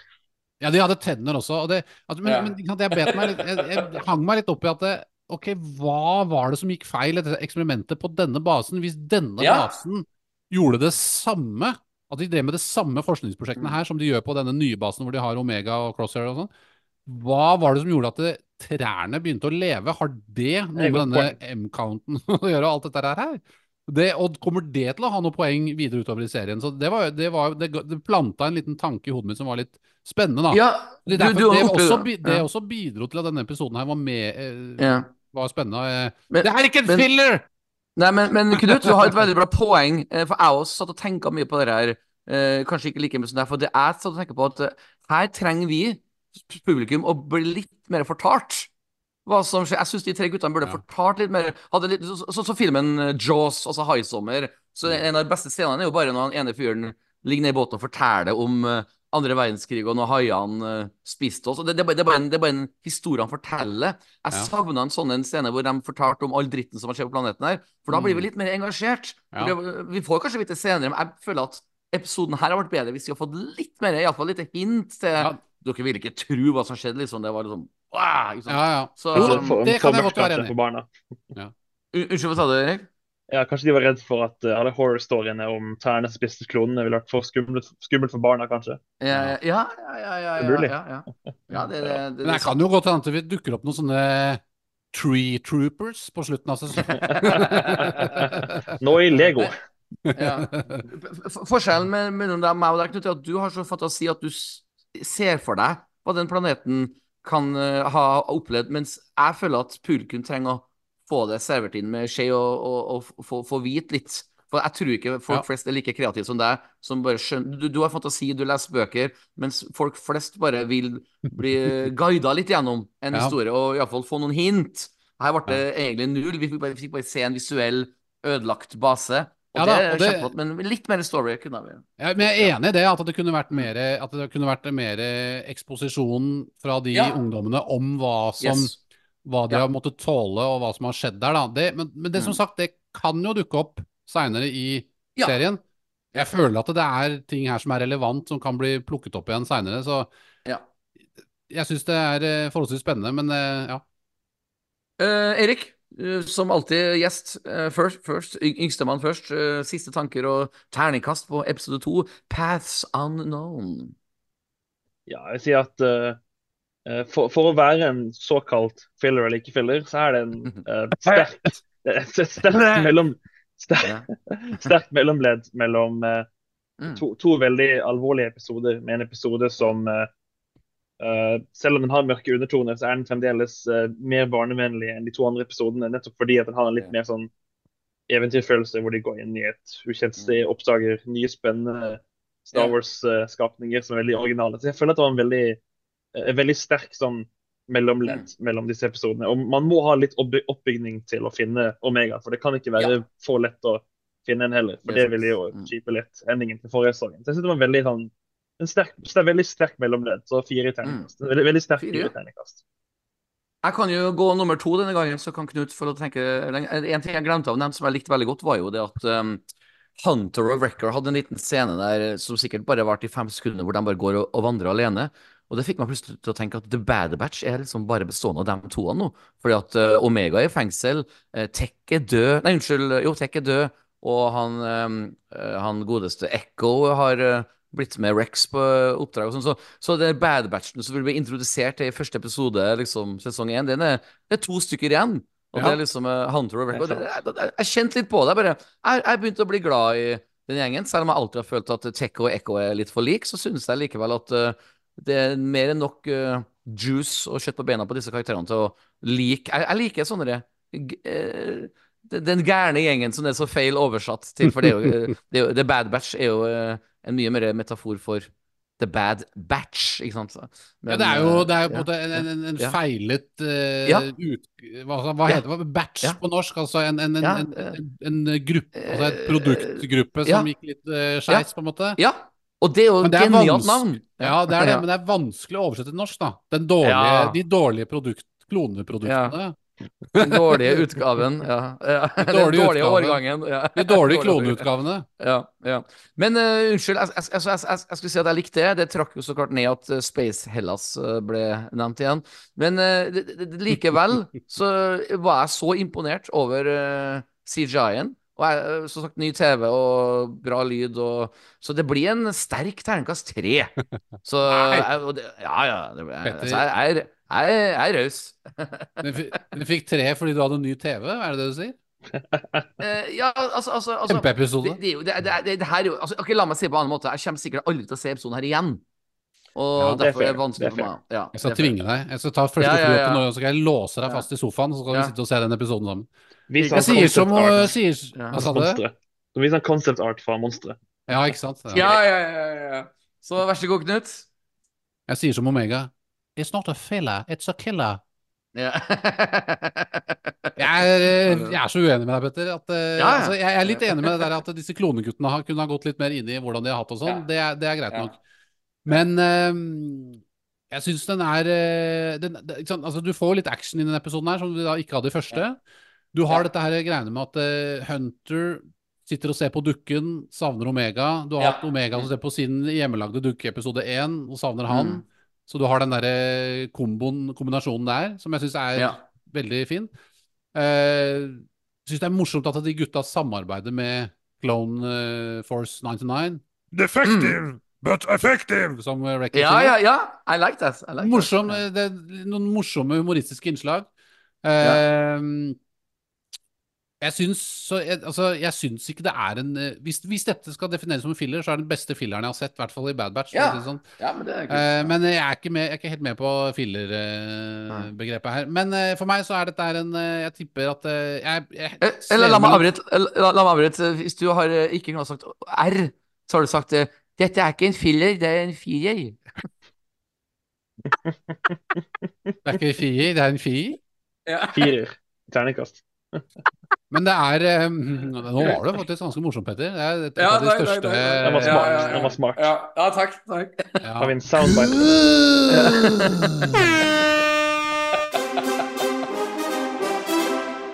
Thank you. Thank you. I'll be here all night. Okay. Ja. Ok, Nei, Vær så god. Eh, til, tilbake til eh, mitt uh, veldig frodige terningkast her. Og Ja. det blir en uh, jeg, skal, jeg skal gni det litt inn i uh, Ja, ja. deres, og jeg gir en svak femmer. Den den er svakere enn forrige episode, men det blir en svak femmer. Bare fordi eh, Petter har ny, kjøpt ny TV. Ja, ja, ja, ja, men det er bra. Eh, nå, mine damer og herrer som hører på denne funky podkasten, skal vi snakke om eh, noe veldig heftig. Episode tre, Shadows of Tantis. Jeg håper jeg har uttalt eh, eh, planeten riktig. Um, altså, La oss bare gå rett på sak. Palpatine er med. Og som sagt, Imperial Guards eh, ser faen meg bedre ut enn de gjør i uh, prequel-trilogien, liksom. Altså, uh, du vet når Yoda bare knipser og slenger dem i veggen. Det her ser heftig ut. Musikken er sterk. Og, og altså Stemmen til Palpe... Ja, Kan jeg bare ja, skyte veldig Ja, kjapt eh, når Ja. du nevnte musikken? Jeg så at barna til Kevin Kiner Vi må forresten skryte av musikken også. Men Ja, ja. barna til Kevin Kiner er også kreditert Ja. som komponister her. Det Ja, det visste jeg ikke. Det, ja, det er artig. Nei, jeg skulle egentlig bare si at uh, Vet dere hvem som er stemmen til Palpatine i denne episoden? Det er jo Ian McDermott. Det er Ian McDermott, vet du. Helt riktig. For det har jo vært en annen fyr som har vært stemmen av og til i Clone Wars og Ja. slike ting. Men nå er det bedre med Ian sjøl. Så um, eh, altså Altså, som jeg har sagt tidligere, det, denne Bad Batch er sterkest når den tar seg tid til å følge enkeltpersoner. Og altså, Bare det mouse droid-sparket eh, fikk meg til å bare humre av glede. For det var en ny måte å inkludere mouse droid og, og, og følge Omega. Så, um, og som Knut nevnte, altså denne blodprøvemaskinen ser ut som en klokke. Sånn, så det er fiffig. altså Tikkende klokke. It's getting closer to midnight. Så jeg føler jo liksom at eh, Jeg vil gå så langt og si at Omega Crosser rømmer på en kreativ og spennende måte. Det er helt innafor, liksom. Eh, og legg merke til at som, for å være en skarpskytter, så har jo han nå fått en meget skjelvende hånd. Eh, hvorfor tror du det, Erik? Er, det for at han begynner å bli gammel og sliten for at disse klonene ikke skal leve lenger? Er det, eller er det noe annet som tar knekken på handa til Crosser? Hva tenker du, Erik? Nei, altså, jeg tror det er en veldig sannsynlig mulighet, nettopp fordi at de er jo designet for å eldres mye raskere. Jeg Ja, tror også, ja. Min teori er også at han, han er GT selv og har kanskje muligens bitte litt eh, Ja. Uh, soldier PTSD etter hva som skjedde i forrige sesong, hvor han uh, Mm. gjennom veldig mye fælt i kulda med en annen klone, som dessverre ikke overlevde. Og han Mm. ble litt um, ja, Hva er et godt norsk ord for det? Disillusioned med imperiet, som han har hatt så, så mye lojalitet til, til på tross av sin familie. Og nå begynner han å ja, føle litt anger for han valgte imperiet overfor sin Ja. egen familie. Og jeg tror rett og slett at han er en slags fysisk manifestasjon av hans uh, eh, skyldfølelse og anger og egentlig alt det der. Men det kan også være noe Kjempe, ja. negativt. Jeg tror det er det. Jeg tror det definitivt er det, det, det der. Ja, jeg, skal spørre Knut, bare så vi holder oss på samme tema, for at eh, Crosser også til og med hjelper Omega opp. Du vet når hun ramler i skogen der, og han sa jo tidligere i episoden at 'jeg kommer ikke til å hjelpe deg'. Du vet sånn, Så at han viser jo faktisk eh, eh, Altså, Vi snakka om det for noen år tilbake, Knut. Jeg, jeg trodde jo ikke Crosser kom til å få noe redemption. Du har trodd det hele tida. Nå er det offisielt. Crosser eh, hjelp, eh, har eh, Ja. he's, he's getting nicer. Knut. Ja. Knut, eh, er du fornøyd med deg sjøl? Jeg er i hvert, fall, i hvert fall veldig enig med min yngre selv her, holdt jeg på å si. Ja. Eirik Herfindal. Eh, Jeg, vil, jeg tror det er helt nesten 100% sikkert at det er det som er tilfellet her. At han, mm. altså, han prøver å blokke ute følelsene sine og stenge ute ting. Eh, Men Ja. det klarer han jo ikke lenger, selvfølgelig. Ja. Eh, og nå kommer da alt dette tilbake, og det blir traumer, og han, får, han har fått nerver av det, liksom. Det er det jeg tror. Nå har jeg sett, jeg skal ikke spoile noe, men nå har jeg sett også litt flere episoder, så jeg vet jo at det er litt mer det, eh, basert på hva som skjer. Ah. Men, Ja, men det men mm. så det er helt klart inni en redemption ark her, og det er det jo mange Mm. som er skeptiske til. Men, men jeg tenker at uh, dette er jo en litt ny måte å fortelle en redemption arc. Det er ikke en, det er ikke en Jedi som blir redeemed her. Det, er, det, er jo en, det er jo en klonesoldat. Så det er jo en litt annen en variasjon der. Og så er det mm, det at han? Det at han er skarpskytter også?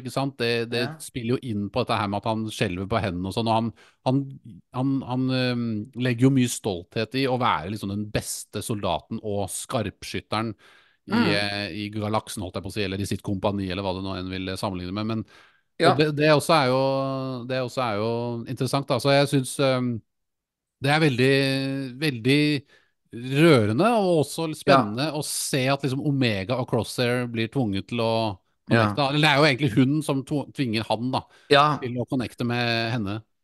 Jeg, jeg vil gå så langt å si Jeg trodde aldri jeg kom til å si det her etter første sesong av Bad Batch, men nå som vi er i tredje sesong, så vil jeg si at Crosshair er en av de mest eh, fascinerende karakterer i hele Star Wars-universet. Fordi at uh, han i sesong én skyter og dreper uskyldige, snille mennesker. Og i sesong to så dreper han meget slemme, usympatiske uh, slemminger. Ja. Og, og, nå altså, han, han, han, reiser, han, han, er med på Hedre, Det er Anakin Skywalker, på en måte. Ja. Som var en snill uh, gutt i Clone Wars, og så plutselig så uh, begynner han å killing younglings, og så plutselig dreper han keiser. Altså, det er jo en slags Anakin-ish reise han gjennom. Både mm. må være slem og, og, og, jeg vet ikke, jeg syns til og med animasjonen rundt hans fjes og kroppsspråk uh, selger meg. Altså, altså jeg, jeg, er solgt. Det er en, rett og slett uh, en karakter jeg ikke likte så spesielt godt i sesong én, for han var så jævlig tro mot imperiet, og nå begynner jeg liksom å lære av henne. ja. Nei, det, han, han, han, falt jo for sin egen liksom ja. Ideologi og Eller hva skal jeg si, mentalitet, da. I, mm. han, han, han, er jo, han, er jo et menneske, han også, men han var så utrolig opptatt av å være lojal mot eh, autoriteter.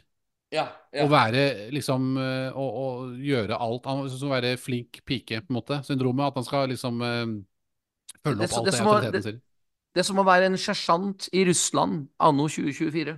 Ja. Når skal du til slutt tenke 'fuck', mine ledere tar feil?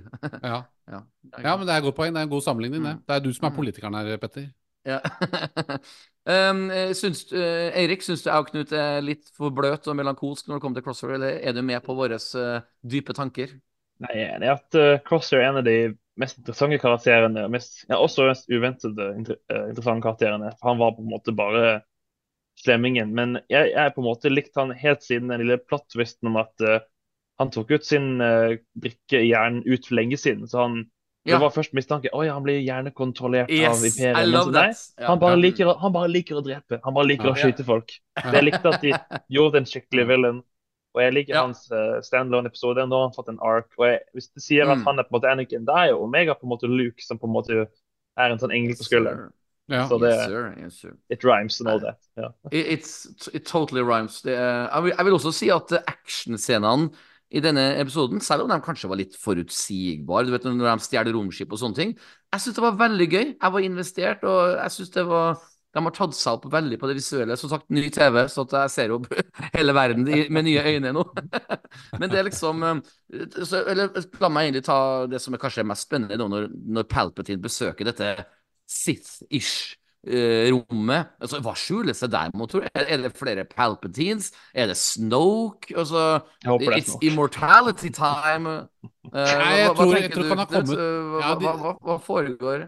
Jeg tror de har flere prosjekter, fordi at han ikke sant, Hemlock nevner jo at men but yeah. we are also going to talk about Eller hvis, nå skal vi vise deg det som liksom yeah. du også har kommet for, nemlig Project Necromancer. Så de, de har flere prosjekter der. Jeg tror de kommer til å fokusere først på yes. det, er der, det, er der, jeg tror Ventress kommer inn i bildet. da eh, Assange Ventress, altså. Det hun, eh, for, ja. altså de, de, som ikke har sett Clone Wars. Altså, oh, ja, hun skal en... sikkert jakte Husk Ja, mm, unnskyld.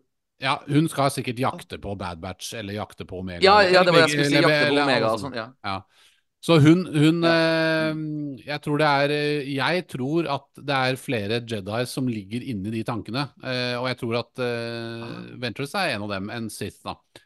Ja, det er det jeg tror. Mm. Uh, jeg tror men sant, vi vet jo at Exegol, denne planeten fra Rise of Skywalker, den ja.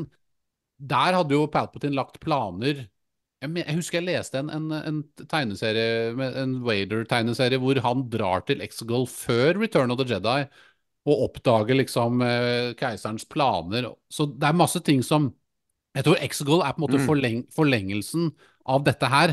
At han flytter eller mm. starter en, et prosjekt på Exegol etter at han har fullført eller kommet et stykke på vei med disse tingene her med, med Hemlock, da. Ja. Det er min ja. teori. Wow. Uh, Erik, har du noen teorier utenfor Knut? Altså, det, det, det, åpner jo veldig mange dører, det her, denne episoden her. Altså, nå, nå, har jo, nå, har vi jo flere spørsmål enn svar. Selv om vi så klart vet at alt ender i episode 9, Rise of Skywalker, så er det jo på en måte en slags um, en, en, en, rød tråd, kan du si. Altså det henger en, en sist-rød tråd. hva, hva, hva, hva, tror du uh, gjemmer seg i det rommet? Som var veldig kul design. Ja, ja, exactly. exactly. Vel, det er jo eh, Det er teknisk sett en tråd med nevning av 200 oppstandelse fra Mandalorian til Bad Batch. Men jeg føler Ja, at ja. um, uten, uten å name-droppe prosjekter og vise et par eh, ja, lik i en eh, sånn, eh, glass med liquids, det, det er veldig sånn sparsommelig de har gitt oss de siste sånn, fem årene. Og Mm. jeg føler jeg blir ikke helt fornøyd før jeg ser en eller annen karakter bare si oh, ja, by the way, her er liksom en snok, Å ja, det, vi har et par andre snoks til overs, vi får se hva vi gjør. Det er litt sånn Ja. jeg føler at Mm. de, liksom, de liksom prøver å ikke spoile for mye, men siden dette er siste sesong med Bad Batch, ja. så forventer jeg en slags konklusjon til den klone-storyline, nettopp fordi at denne storyline legger opp til hva som skjer i Mandalorian, og Mandalorian legger sikkert opp til hva som skjer i Rise of Skywalker. Så jeg føler Yes. liksom at Mm. de, de er nødt til Ja. å gi oss noe Hvis de, hvis de ikke gir oss ordentlig konklusjon denne sesongen når det kommer til klonesagaen, da vil ikke jeg vente til neste serie med å finne ut av det. For da går det sånn seks-syv år før Mm. de svarer på verdens rareste ja, øyeblikk i Rise of Skywalker. Og da blir det ganske, litt, nesten, nesten litt for dumt. Nesten. Mm. Denne Ja. sesongen her, altså dette her er jo Clone Wars sesong eh, 8, 9 og 10, på en måte. ikke sant? Det er jo Ja. det det er, jo Ja. det, det er. Så jeg forventer, og det er jo siste sesong av Bad Batch dette her. Og det er jo på tide at de rapper opp den storyen med klonene nå. Og det, nok en gang, jeg har sett åtte episoder. Jeg Ja. føler jo at det går inn mot en Finale. For det første en finale, en konklusjon på hva Og, det, og dette, dette begynte det jo med i Clone Wars å personifisere og menneskeliggjøre klonene. For det var jo ikke noe vi så i prequel-filmene i det hele tatt omtrent. ikke sant? Hvordan det kameratskapet utviklet seg, og de hadde jo, fikk jo navn, ikke sant? Echo og Rex Nei, ikke Jo, Echo, Rex og Ja. Wolf og riktig. mange forskjellige. Ja. Og det og, Ikke sant. Det fortjener jo en konklusjon og en oppsummering, og de har hintet til det også i forrige sesong, også hvordan liksom klonene skulle få rettigheter, og hvordan de pensjonere seg, og Ja. Hvor skal de bo, hva skal vi gjøre med dem, liksom. Og det, det er jo et problem som må nøstes opp i, og Palpatine må jo gjøre noe med det. Så jeg, for, akkurat som Eirik, jeg forventer en konklusjon på den delen av sagaen. Og jeg forventer også at det kommer en eller annen slags, og det tror jeg kommer i form av Ventress, en konklusjon eller en, en reveal på at Palpatine har hatt eh, Altså, de har hatt suksess i å ja.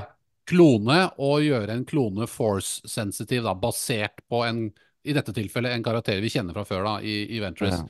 Men jeg tror ikke vi kommer Ja. til å få noen konklusjon på Necromancer-prosjektet.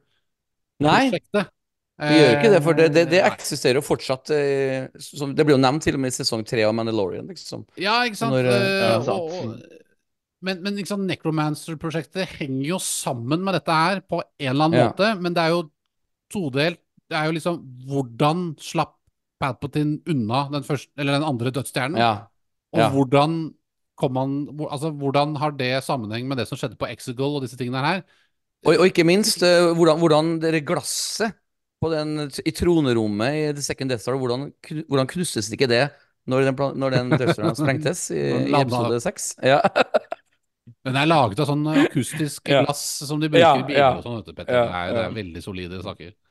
Eh, Jeg, jeg kommer til å dele en liten ting som jeg har i hodet mitt akkurat nå, som er litt sånn ferskt. Og det er jo det at eh, de siste fire episodene av uh, siste sesong av Clone Wars er jo soleklart terningkast seks. Det er jo som sagt, det henger jo sammen med Revenge of the Sith, og det var jo en, en, en, en, en reise uh, å, å sitte og se på.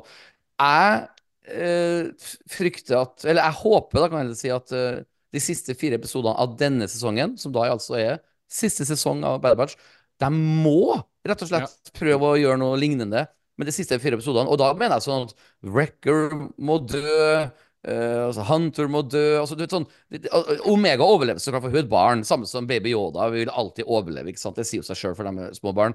Eh, Lucasfilm har jo tross alt sjel. Men, jeg, men jeg, jeg, siden siste fire episodene av Clone Wars var så bra, så må de på en måte ikke toppe det, men iallfall prøve å leke på samme Ja. eh, type eh, eh, Erik, syns jeg har altfor store krav, eller er det innafor at jeg føler at det her må være kjempemørk og, og spennende og trist og fascinerende avslutning? Det, for det, det, det, de har jo allerede begynt, føler jeg, med disse, disse tre episodene.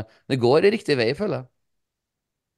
Nei, jeg er faktisk enig, fordi at uh, slutten av forrige sesong, når det var, skjedde det med Tech, da var jeg veldig sånn on the edge of my seat. Jeg vil ha den følelsen Ja. tilbake.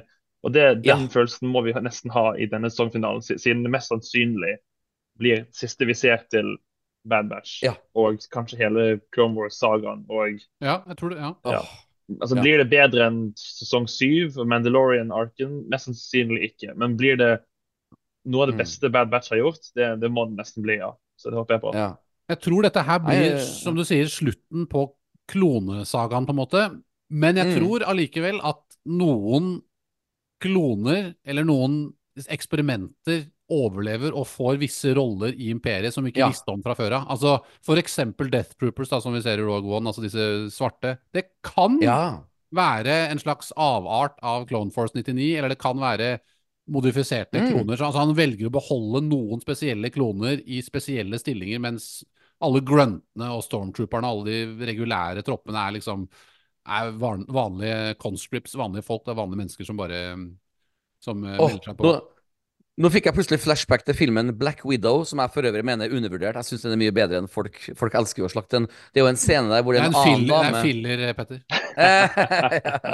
Nei, men I Black Widow så er det jo en scene hvor en annen dame, som jeg tror er dattera til en av de onde, som har på en måte blitt gjort om til sånn supersoldat, eh, halvveis robot, halvveis eh, død innvendig. Jeg vet ikke om dere husker på hvilken eh, Jo, jo, Det hun- var hun derre blonde. Ja. Ja, eller hun som var med Hun som var Bond-dama i Quantum of Solace, hvis det sier dere noe. Hun som iallfall var eh, Jeg tenker ikke på hun, hun artige russiske blonddama. Hun, hun var jo nei. Eh, Det var jo aner. Men poenget mitt er at eh, det, det slo meg akkurat nå at kanskje Wrecker eller Hunter blir liksom tvunget til å holdes i live inni eh, en sånn en eh, ondskapsfull stormtrooper-drakt eller sånne ting. Ja, altså, ja. det kan være noen sånne skjebner, og jeg mener Ja, at det, ja. beviset på, eller et, et, et foreløpig kanskje bevis på at uh, Lucasfilm har litt guts, er jo det at eh, Tech tok det jo livet av i forrige sesong. Så tror vi jo i hvert fall. Det er jo rimelig sikkert at det, det er tilfellet.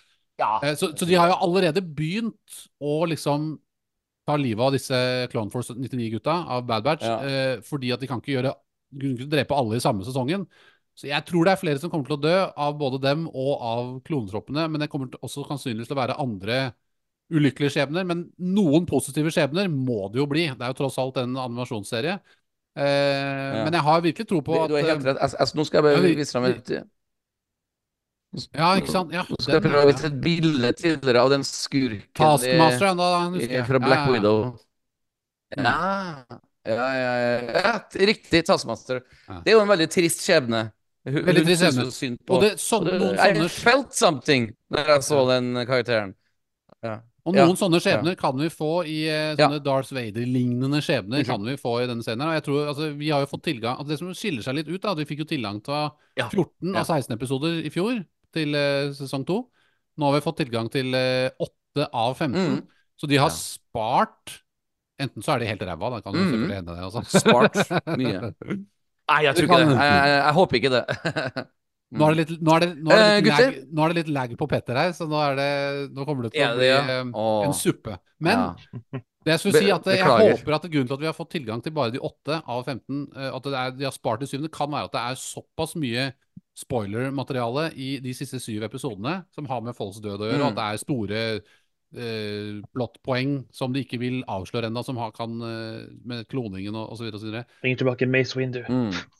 Ja. Jo, men altså ja, ja, ja. ja. men det er, det, det, altså, det, det er ikke usannsynlig. De kan slå stort på stortromma her. Jeg tror også Darth Vader kan også dukke opp. Jeg lurer på om han er i traileren nå, jeg. En av trailerne. Så tror jeg, men husk at eh, ja. Mm. Oi, oi, oi. Palpatine må bli kvitt, han må bli kvitt dette problemet, ikke sant? Det, er- det er ikke noe tvil om. Mm. Ja, det var tøft. Eh, bare for, I tilfelle jeg ramler ut med dårlig internett, så vil jeg bare komme med mitt terningkast først nå, eh, slik at dere kan prate etterpå. Eh, det er for meg en solid terningkast fem, denne episode tre. Fem er altså skyhøyt i min bok. Sekserne må jeg spare til disse ramla av sofaen-øyeblikkene. Eh, hva med du, Erik? Eh, Terningkast og tanker rundt episode tre? Ja, altså eh, Det er vanskelig å gi ordentlig terningkast, fordi at Jeg vil jo selvfølgelig være spent på om de klarer kommunen eller ikke, men en del av meg tenker at uh, hele denne utslippningsplanen er jo veldig improvisert, og det er mye som går bra og går ikke bra. Så det um, Den føles kanskje bitte litt mer safe enn den første episoden. Fremdeles veldig underholdende og veldig uh, Jeg likte, veldig- jeg likte veldig godt actionsekvensene på slutten. og eh, jeg vil nok gi den en veldig sterk firer. som fire, Firer fremdeles ok. eh, Ja.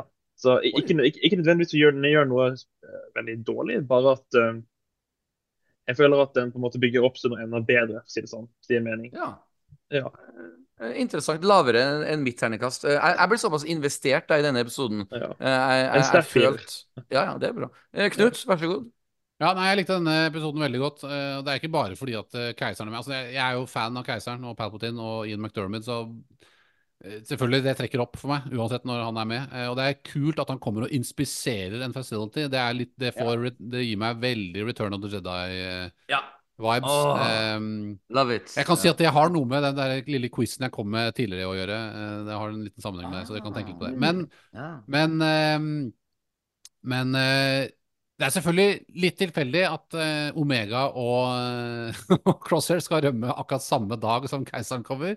Jeg, jeg, jeg liker det. Men jeg It's- li- it's jeg. Og det kjøper jeg. jeg altså, det, det, er tilbake, det, det er kult. Man skal skape spenning, og noen tilfeldigheter er det selvfølgelig. Det, ellers så blir det jo ikke noen film ut av det. Ja.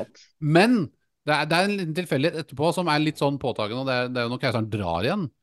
Så går det to sekunder. Det går to sekunder fra han har dratt til Og nå får vi vite at disse folka er i ferd med å flykte, liksom. Det var kanskje litt tilfeldig. Det er liksom, du ser bare shuttlen hans bare er i ferd med å lette, og så We have a messenger! Omega men- Ja, men, Det var det eneste- men det der kan jeg egentlig forsvare ja. Men jeg, jeg kan forsvare det, for at hun Nala hun må jo uh, være med og hilse på keiseren. og Det er derfor ikke hun får til å øh, skjule den blodprøven akkurat øh, den dagen. ikke sant? For at hun skal vanligvis slette den. ikke sant? Og, så alt, alt henger sammen, på en måte, føler jeg. Og, Ja. og, og til og med liksom øh, Ja, unnskyld. Hva var det jeg skulle Ja, altså, ingen krise. Jeg bare syns det var litt Ja. tilfeldig at de fikk ja. for, for det var jo ikke sånn at de hadde fått vite om det tidligere. Og, for jeg hadde skjønt det hvis de hadde fått vite det tidligere og skjulte det for keiseren. For hvis de sier til keiseren at vi har noen problemer her det, Jeg hadde ikke Mm. hatt lyst til å gi eh, verdens verste Sith Lord en beskjed om at vi har ikke helt kontroll på sakene våre her i, i Mm. laben, liksom. For da blir det jo furore. Mm. Men, eh, men det, er bare, det er bare en filleting. For meg så dette her eh, Helt klart, eh, jeg gir den en eh, sterk femmer. Oi, oi, ja, men det var bra. Jeg, jeg glemte så kort å nevne at jeg, jeg til og med likte sånne småting med episoden hvor uh, Crosshair tenker liksom hvordan skal vi finne det romskipet som krasjlandet? Ah, ja, la oss bare Ja. følge måten uh, uh, Palpatine flyr ut, og da, da, går vi den, da går vi så elendig, liksom. Og Ja. ikke minst når de, de prøver å stikke av, og så får de lov til å stikke av fordi at uh, hun er mer verd i livet. Altså, de tror sikkert at de klarte å stikke av, ikke sant? Det er litt sånn Empire Strikes Back. uh, Nei, unnskyld, A New Hope. Når, når Leia sier 'They made us'. Uh, Ja. Ja, ikke sant? Ja. ikke sant? For de hadde jo tracker på ham, liksom. Så at, eh, jeg ble men, men sterk femmer syns jeg var tøft. Eh, Gi deg sjøl en lydapplaus-lydfil.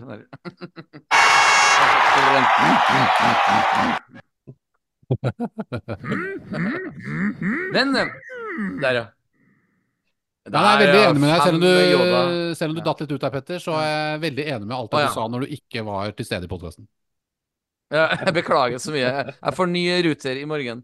Um, Erik, du ville også snakke bitte litt før du skal dra i dag om uh, dataspill innenfor Star Wars-verden. Var var det et spesielt du ville snakke om?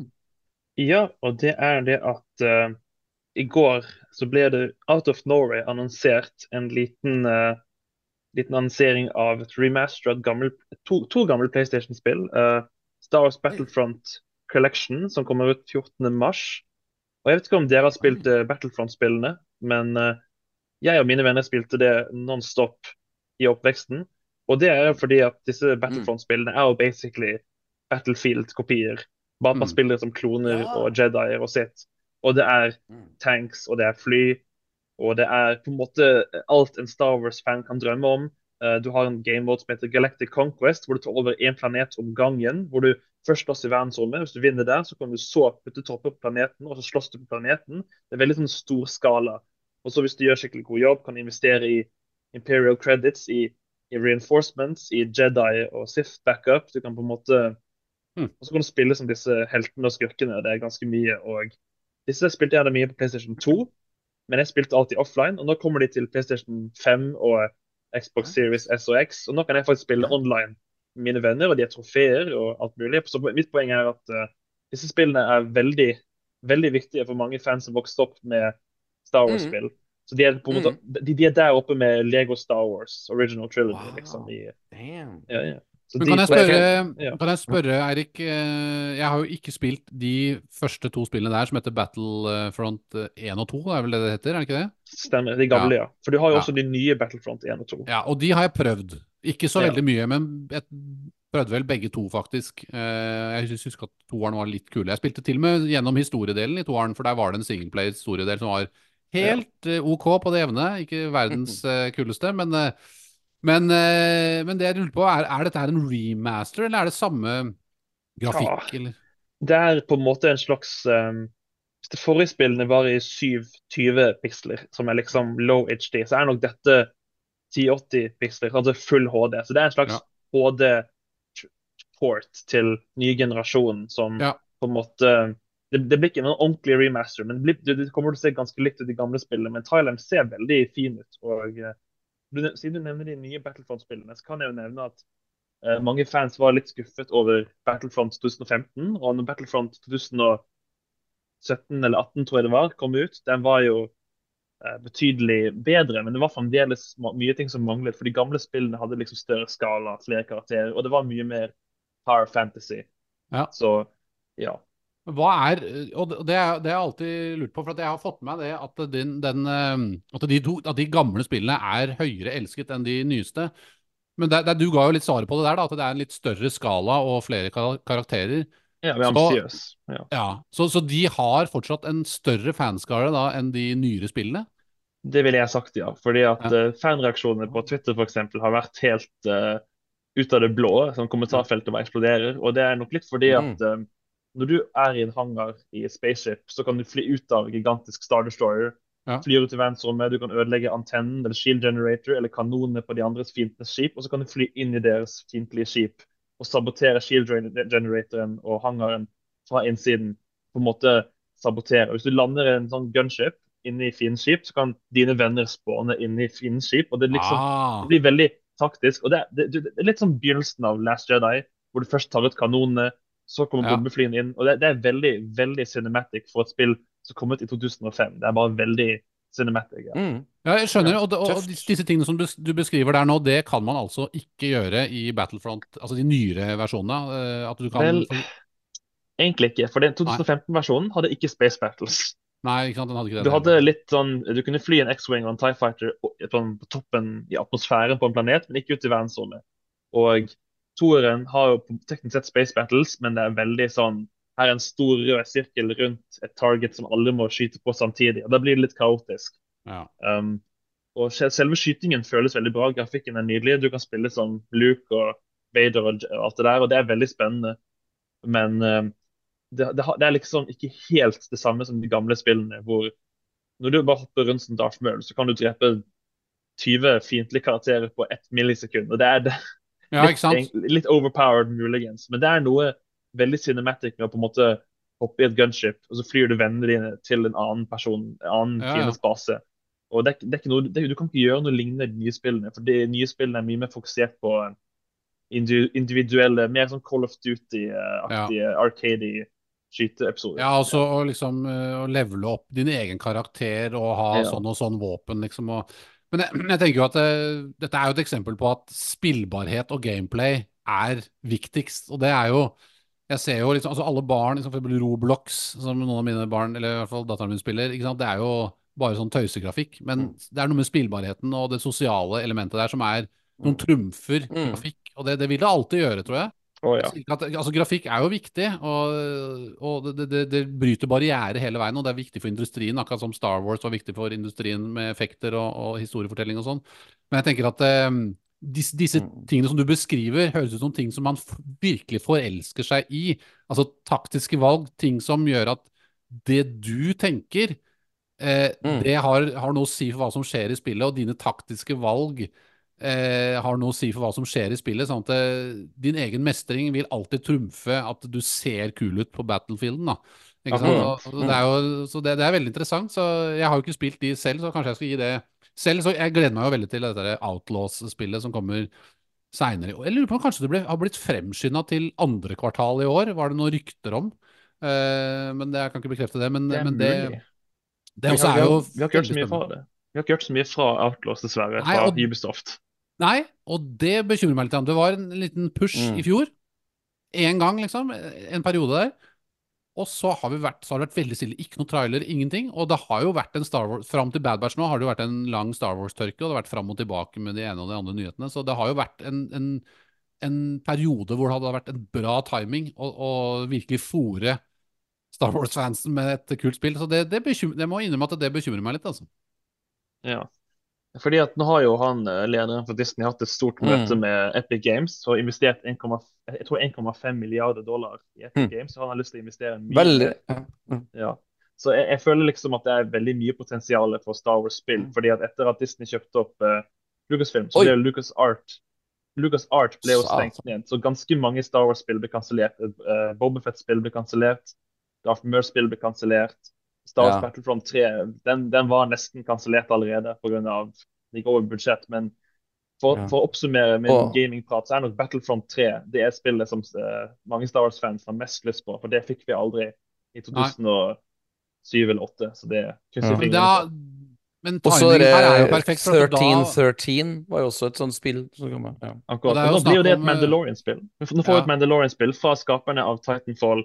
Og Nice. de, de samme personene som lagde Titanfall, de lagde også Medal of Honor, Call of Duty, Ah. og noen av de jobber også på Battlefield. Så dette her er de beste Oi. folkene i bransjen. Og de lagde Star Wars, Fallen Order, de spillene også. Oi. Ja, de er jo kjempebra. Wow. Men jeg tenker at Nice. eh, i og med at de kom ut med disse remasterne av Battlefront 1 og 2, de klassikerne Hvis de slår hardt an, så er det jo da en no-brainer å komme med en Battlefront 3 som Akkurat. For da er det inni alles oppmerksomhet, og spillskaperne vet ok, de, de, de, folk faktisk digga dette her, og de har den enorme fanskaren. La oss beholde det gameplayet, la oss beholde de mekanikkene, og overføre det inn til den moderne grafikken som vi hadde på de nyere Battlefront-spillene.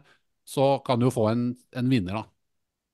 Det tror jeg faktisk er eh, nesten uunngåelig. Spesielt når Ja. man ser på suksessen til det mest populære spillet i dag, og det er jo Helldivers. Som er Ja. et sånn sci-fi-spill hvor venner spiller sammen og dreper aliens. og Ja. Det spillet har mekanikker som ikke har vært i bruk så mye siden uh, co-op-dagene i PlayStation 3-æraen.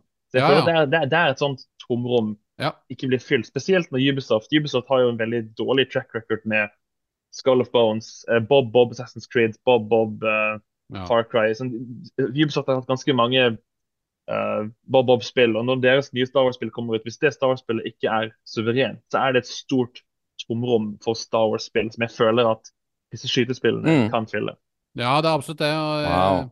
Ja, det, er- det er veldig interessant. Uh, Jeg, har bare et spørsmål. Um, disse Star Wars-spillene som du snakker om, Erik, er det her sånn EDB? Før jeg spør hva det betyr. Elektronisk database. Det var valgfag Ja. mm, 34. På på 90-tallet så hadde vi et valgfag som het EDB, og da hadde, da hadde vi tilgang til datamaskiner. Et EDB. Ah. jeg, jeg, jeg tuller med dere. Jeg syns dere hadde en veldig fin uh, gamingprat der, som jeg tror våre lyttere satte veldig stor pris på. Og eh, apropos det å sette stor pris på, så er vi veldig glad for at Eirik hadde tida til å hoppe inn på such a short notice. Vi spurte den i går kveld, og i dag så er han her. eh, Så det er tusen hjertelig takk for det, Erik. Klart det. Eh, er, det noe annet som spennende som foregår i ditt liv eh, utenfor Star Wars-verden, som kanskje du vil dele med våre lyttere? Er det, er noe, er noe Ja. kult som skjer i Bergen? Vel, jeg er jo uh, gravid. Nei, det er jeg ikke. Er ikke. Nei, det er jo Akkurat nå så er det nok bare Ja, ja.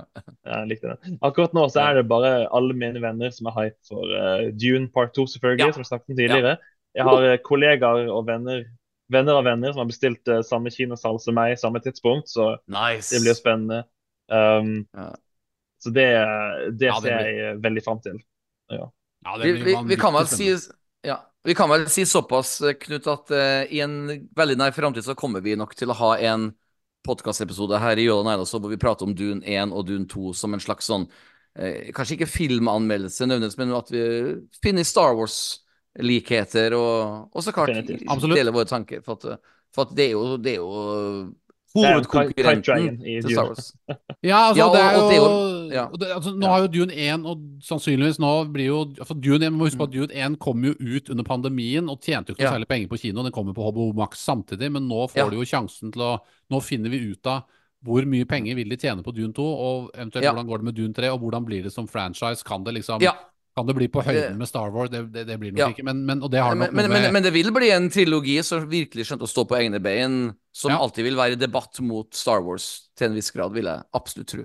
Ja, den har, litt, den har nok litt for mørke toner til at den kommer helt opp til den samme brede appellen som Star Wars ofte har, da, men, men, men på Ja. kvaliteten så er det udiskuterbart. Altså, det er jo Ja. hvis, hvis, hvis trilogien blir like bra nå som film nummer én og to, og Mm. tilsynelatende er, så har jo de klart noe som ikke Lucasfilm klarte med sequel-trilogien, da, Mm. som eh, i hvert fall etter min mening, med Rise of Skywalker som plaska Ja. Jeg, jeg, jeg, leste, jeg leste en spoilerfri anmeldelse av Dune 2 i går kveld, og den var litt interessant, for den sa at vær forberedt på at det er mye blanding mellom politikk og religion i filmen, og det syns jeg er litt artig, for det er jo That's the, that's the prequel trilogy right there.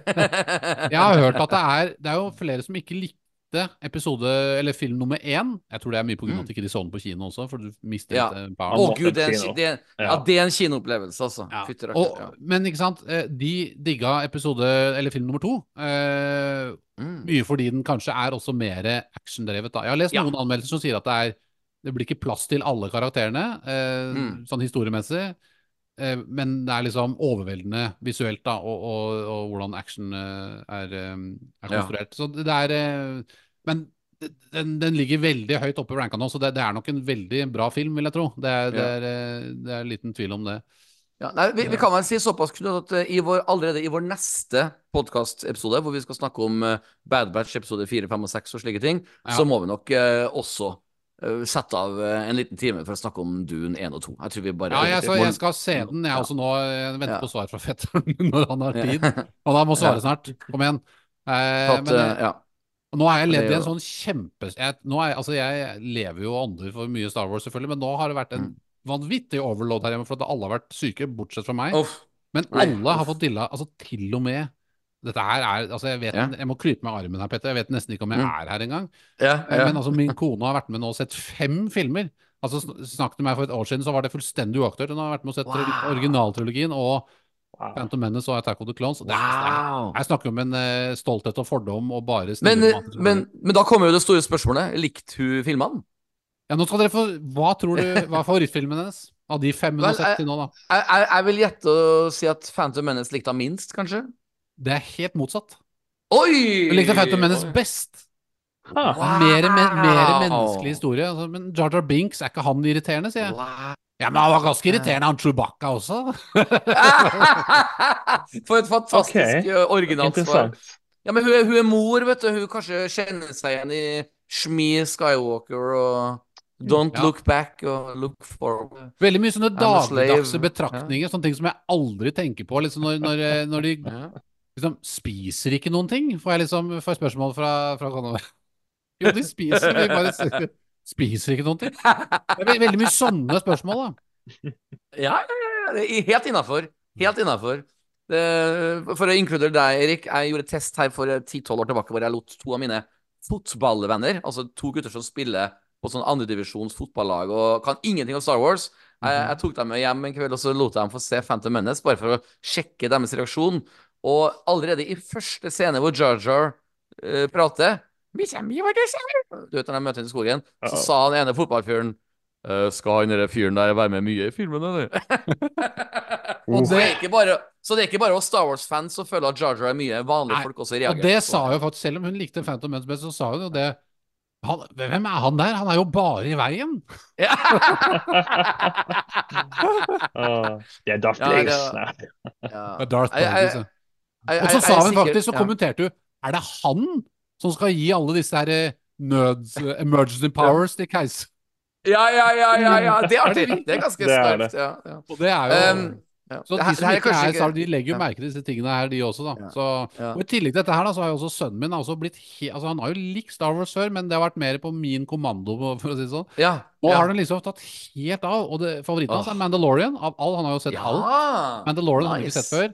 Han syns det er helt episk fett. Og i IG11, så den Ja. Altså, Mandalorian det, sa meg en ting, at det er den perfekte blenden av å nå fram til dagens ungdom, men også til gamle fans som likte originaltrilogien.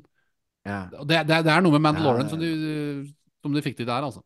Ja, det, det er fresht, altså. Jeg, jeg kan jo si til Eirik Knut vet jo historien her før men jeg skal i Eirik kortversjon at uh, i 1999, da var jeg altså 21 år, hadde flytta utenlands og bodd i Spania og du vet på en måte hadde blitt en voksen mann.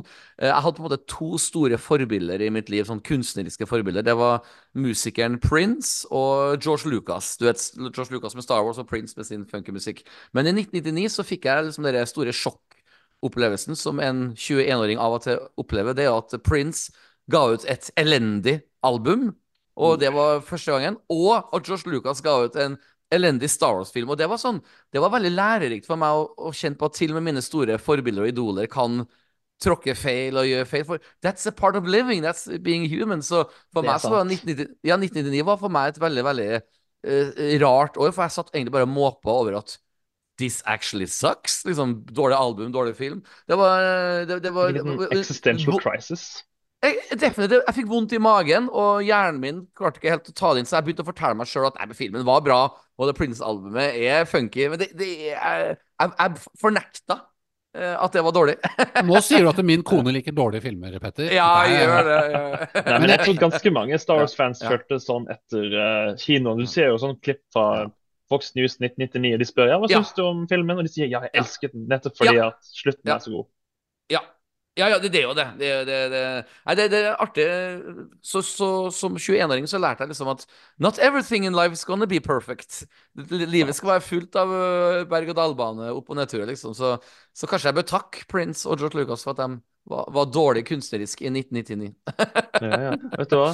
Hvis jeg kan uh, få si et par ting før vi går. Du spurte hva som skjer i Bergen. Kan, nå, nå, prøver jeg å relatere det til mitt sånn studiefag. Um, jeg ser veldig fram til Dune Part 2, men jeg bestemte meg for å boikotte en av kinoene i Bergen som tilhører ja. nordisk filmindustri. Okay.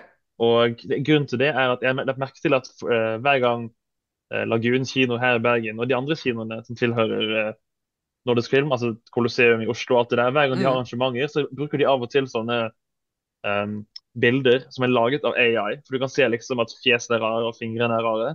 Ja. Og da, da, velger jeg på en måte boikotte selskaper som bruker AI-kunst, ja. fordi at denne AI-kunsten er mest sannsynlig stjålet. For alle disse generatorene ja. stjeler kunst fra andre. Og jeg har venner som jobber i kunstindustrien, som, som, lager plakater for sånne events. og de føler seg på en måte presset ut. Jeg, jeg, blir veldig overrasket når den største filmorganisasjonen i hele Norge bruker ChatGPT eller andre programmer til å lage mm. kunst for dem, for deres Facebook-arrangementer og andre ting. Mm. Det, det overrasker meg personlig. Ja, det, for disse det, folkene har så mye ressurser. Ja, Knut, det, er spesielt Knut, la, la, la, oss gi en applaus med en sånn lydfil. Det var veldig fin uh, tale der. Det var, ja, det, jeg har ikke noe vignett. Men jeg vil høre hva dere synes. Okay. Ja, altså, jeg, jeg, er spesielt enig når, i og med at vi er inne på dette med store firmaer og store selskaper som har penger og ressurser til å støtte opp om ja. mennesker som driver med dette profesjonelt. Jeg kan forstå ja. at en person som ikke har noe penger, Akkurat. eller skal lage et albumcover, eller han skal lage en plakat for et band som ikke eksisterer, eller, altså, eller et, et, eller annet sånt noe. Men, men, et stort selskap skal måtte skyte seg selv og industrien i foten ved å ekskludere talentfulle ja. mennesker. Altså, det, det, mm. da, da, altså da, da, da, gjør vi hele menneskeheten en eh, bjørnetjeneste. Det ja. er så enkelt som det. Ja. En nydelig uh, tale. Jeg, jeg, er jo så klart 1000 enig. Jeg, jeg, tror jeg snakker på vegne av både meg og Knut, som begge to jobber med kunst på heltid. Altså Vi er jo begge to uh, jobber i musikkbransjen på heltid. Og uh, er det noe som er noen som trenger støtte, så er det akkurat de personene som du nettopp nevnte. Det, ja, for det, det å være kunstner er jo ikke nødvendigvis lukrativt, ikke sant? så du, du må Nei. jo backe dem, og du må jo backe de talentene. Ellers så bare forsvinner de jo. Ikke sant? Det er, det er jo så enkelt som det. Så du, du dette er en eh, yrkesgruppe som, eh, som, som uh, trenger å utnyttes for de, de, talentene de besitter. Så det, det, jeg er veldig enig i alt du sier her, Eirik. Ja. Ja, så hvis, uh, hvis, våre lyttere uh, f.eks. skal gå på en Colosseum eller andre NF-kinoer, så er det bare å kansellere billetten til Dune Part 2. Yeah. Nei, nei, kanskje yeah. Men det er bare å skrive i kommentarfeltene sånn Hei, hvorfor bruker dere denne ekle, stygge kunsten ja. laget, laget av datamaskiner? Ja, ja, absolutt. absolutt. Eh, Eirik, eh, vi hadde jo lovt deg at eh, du skulle få lov til å forlate denne podkasten klokken kvart er over tolv. Det er om ett minutt, så vi skal ja. også avslutte podkasten. Men eh, Knut har et li- lite gullkorn først, og så skal vi jo så klart avslutte med et Star Wars-sitat. Men først, Knut, vær så god. God Ja, først, eh, Jeg skal bare plukke opp tråden fra helt fra begynnelsen av. Dere skal få lov til å nå prøve, og jeg skal gi det endelige oh, ja. svaret på hva som er Hva er likheten mellom eh, Tian Jejerod og Nala C? Ja. Altså, Nala C er jo denne kaminoanske damen som beskytter Omega. Eh, Tian Jedroid er offiseren som tar imot Darth Vader i første scene, i, eller første scene hvor du ser Imperiet i Return of the Jedi. Når Darth Vader kommer og forteller om eh, at, han, eller at keiseren ikke er fornøyd med progresjonen av byggingen Ja! av stjernen. ja, jeg er med. Hva Jeg er med. er det Darth Vader, og hva er det Hemlock altså, Hva er det Darth Vader sier til Jedgerod, og hva er det Hemlock sier til Nala C, som er veldig likt? Som de har helt klart hentet fra Return of the Jedi i, eh, Ah. i denne tredje episoden av eh, Eh, Bad Batch. eh, Erik først, jeg, må snakke med den guttungen her. Hva sier du? Er sikker? Ja, Erik, åssen går det med de små grå? Nei, jeg, jeg prøver å tenke veldig hardt, jeg så jo episoden uh, veldig Jeg, jeg, har det på tunga. Det er noe sånn uh, We should double our en av- efforts. altså det- Ja, det er jo inne i samme samtalen, ikke sant? Ja. Inne i samme dialogen. The Empire, uh, the Emperor is coming here. Det er, sånn, det er mye sånt. Ja. We have quadrupled our efforts? Ja, det, det, det Ja. sier de i Return of the Jedi. Vi, We skal double our efforts! Double our efforts! Så blir Ja. veldig redd. Men det, men det er jo litt før det I er need før- more men. Ja, det sier han også. Det er, dere sier alt han sier, bortsett Ja. fra det jeg ser fram til. Ja. Det er jo inne i samme sammenhengen. jeg- Hva er det det er det gir opp. Jeg gir opp. Ja. Okay, da, da skal jeg komme med svaret her nå, til alle som Ja, da sitter og lurt på dette her hele, hele episoden. Hemlock og Darth Vader sier til da Nala C og Jedrod at Dispense me for the pleas pleasantries og sånne ting. Nei, sorry, ja, han sier det òg. Men, Ja, eh, ja. det, det, men de sier begge to, kanskje ikke på helt samme frasering, men at keiseren er ikke like samvittighetsfull eller tillitsfull som meg. Ah, sånn var det. Du, du, du, har- Og- helt rett. Og du det helt sier, rett. og det elsket det med episode tre Bad Batch, at Hemlock sier at eh, når keiseren kommer, da eh, liksom eh, han har, Vi får se hvor god samvittighet han har overfor de resultatene du har klart å frembringe her, liksom. Ja, ikke sant. Ikke Og det syns jeg var veldig spennende. Så, men det Det, var det, sikkert, det, var, det var veldig artig. Jeg, jeg la faktisk merke til det. Jeg var bare var litt ukonsentrert for at seksåringen fikk plutselig besøk eh, i gangen her. Og jeg skylder. I blame society. ja. Life got in the way, som du I life ja. got in the way, ja. Jeg skal iallfall fall levere et lite Star Wars-sitat, så skal Knut få lov til å levere, og så skal Eirik avslutte. Eh, takk igjen, Eirik, for at du kom. Det er alltid hyggelig å ha deg på besøk. Du er Ditt unge uh, midichlorian-blod eh, klær vår podkast. Alltid hyggelig å være her. Takk for det. Da kommer jeg med mitt sitat, og det er også klart eh, fra verdens beste Star Wars-film, The Last Jedi. We are the spark that will light the fire that will burn the first order down. Fantastisk dårlig skrevet. Og da skal jeg si, da skal jeg følge opp i psykotrologien. Skal jeg bare Da skal jeg komme med en liten eh, en, en bare dårlig replikk, rett og slett. Og det, hvem er jeg nå? Just a feeling. Oh. Finn. Ja, det er riktig. Ja. Ja, Men utrolig dårlig, veldig dårlig replikk. Ja, ja, det går bra. Men han er en god skuespiller, da. Ja, ja. Åh, um, nei, det er ganske mange å velge mellom, men jeg, jeg tror jeg også går for en uh, sequel-trilogy, Ja. siden vi er innenfor det. ja, ja. Så jeg kan jo kanskje gå for um, noe som oppsummerer både spesielt Last Jedi, men også på en måte ganske mange av de nye Disney Stars-prosjektene. This is not going to go the way you think. På godt og vondt. Yeah! Veldig på godt og vondt. Ja, det er veldig bra. Den er, den er fin. Jeg gleder meg til fortsettelsen med Bad Batch. Jeg har trua. Og jeg syns som jeg sa i starten av denne podkasten, jeg syns Lucasfilm har baller. At de tør faktisk å prøve å redde eh, den eh, katastrofen som heter for The Rise of Skywalker. Eh, jeg jeg syns det er tøft. Det er- er noe lærdom i det. At de prøver å løfte opp det, sitt svakeste ledd. For da er du jo sterk, hvis du på en måte Ja. Du er kun så sterk som ditt svakeste ledd, for å være Ja. litt dyp makker. Ja. Jeg skjønner det jo, for at, altså, Star Wars er jo unntaket fra så veldig mange de, de er tvunget inn i en kanon. Altså, Hvis de ikke de står for Rise of Skywalker, så må de nesten du må nesten reboote hele Star Wars, da, for alt er Ja. jo linket sammen. Du kan ikke plutselig bare Mm. gjøre som i Alien eller Dune eller Ja. andre typer ting. Eller Matrix og bare si at nei, nå er eh, det er bare film 1 til 6 som er kanon, Mm. resten er ikke det. ikke? Ja. Hvis du begynner sånn, så blir det bare rota. Enten må du reboote alt, eller så må du. Og det er jo liksom hvis de skal ha Jeg håper på, jeg håper på null reboot. Ja, unnskyld. Sorry. Ja, her. Ja, ikke sant? Altså, da må du ha reboot av originaltrilogien og alt. Altså, Mm. det, det kommer sikkert til å skje en eller annen gang i tiden, men det er ikke sikkert det skjer i vår levetid engang. Kanskje Se- Ja, Eirik. øh, Se X-Men, for eksempel. Ja, ja, ja, virkelig. Jeg så forresten X-Men på nytt igjen her, bare for moro skyld, for jeg skulle se um, um, eh, Matthew Vaughn sin film 'Argyle'. Så ville jeg se alt av Matthew Vaughn på nytt. Da så jeg blant annet X-Men, og, og der er det mye rot. Men eh, der, der, det er jeg føler de, de er derfor- ignorerer treeren på en måte. På et tidspunkt bare, la oss bare late som Ja. treeren aldri skjedde. Ja. Ja, ja, ja, ja, ja, ja, ja. Og, og, men eh, det er derfor vi har animasjonsserien What If, som sikkert blir annonsert i løpet av året her, at Star Wars vil også lage en What If-animasjon. I'm all in for that. Så det er sånn 2024-prediction. Vi får en Star Wars What If. Ja, Uh, ja jeg det håper jeg også også vi- på. Vi får det den ikke på Disney Plus i år, men den blir annonsert i år. Kanskje Ja. under Star Wars Celebration Nei, det er ikke i år, det, kanskje? Nei, det er ikke noe, det er neste år i Nei. Japan. Neste år i Japan. stemmer. Ja. Men da møtes vi alle sammen i Japan neste år. Og... Ja, ja, men hvorfor ikke? Hvorfor Ja, ja, ja. ikke? Det er ikke så lang tur, det, er det det? Nei, jo, det er vel det er 17-18 timer. Kall meg for kronisk positiv, men jeg har av en merkelig grunn nok en gang trua på Lucasfilm og framtida med deres filmer, selv om det den Ray-filmen høres bare rar ut, men eh, Mandalorian og Grogu 2026, bring it on! Det er lenge til. Det er lenge. Altså, vi snakker jo over Ja. altså, Nesten Ja. tre år til den kommer, for de sa, sa det ikke des Ja. desember også? Desember 2006? Ja, de sa det. Og så skal Ja. den spilles inn nå i mai-juni, går det rykter om. Så at, eh, Ja, og det er jo fint at de tar seg god tid og så videre og så videre. Ja. Og det, jeg skjønner at Mandalorian og Grogu er de hotteste navnene i eh, den ja. kulturelle atmosfæren nå. Mm. Eh, og det sier jo litt, da. Pedro Pascal er også opptatt med Marvel nå, så ja, han skal jo Ja. være Mr. Fantastic. Han skal det. eh, Og det er naile fantastisk, ja. fantastisk casting, det. Ja, Absolutt. ja, det, det, det. ja. Nei, det, det, det, jeg, jeg tror at vi kommer til å ha eh, flere grunner for å ha denne podkasten i live i minst ti år til. Ja, det, det, det. Hvis du noen gang skulle slutte, så kommer jeg til å bare livestreame at jeg sitter og spiller Ja. Battlefront og det, da må vi spille Ja. sammen.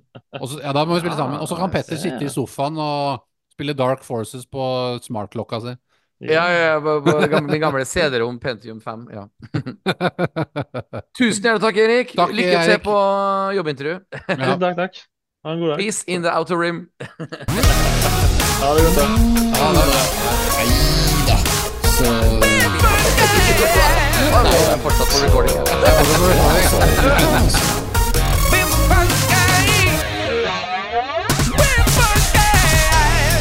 Jo da. Nei da. Så Jo da. Nei da. Så Jo da. Nei da.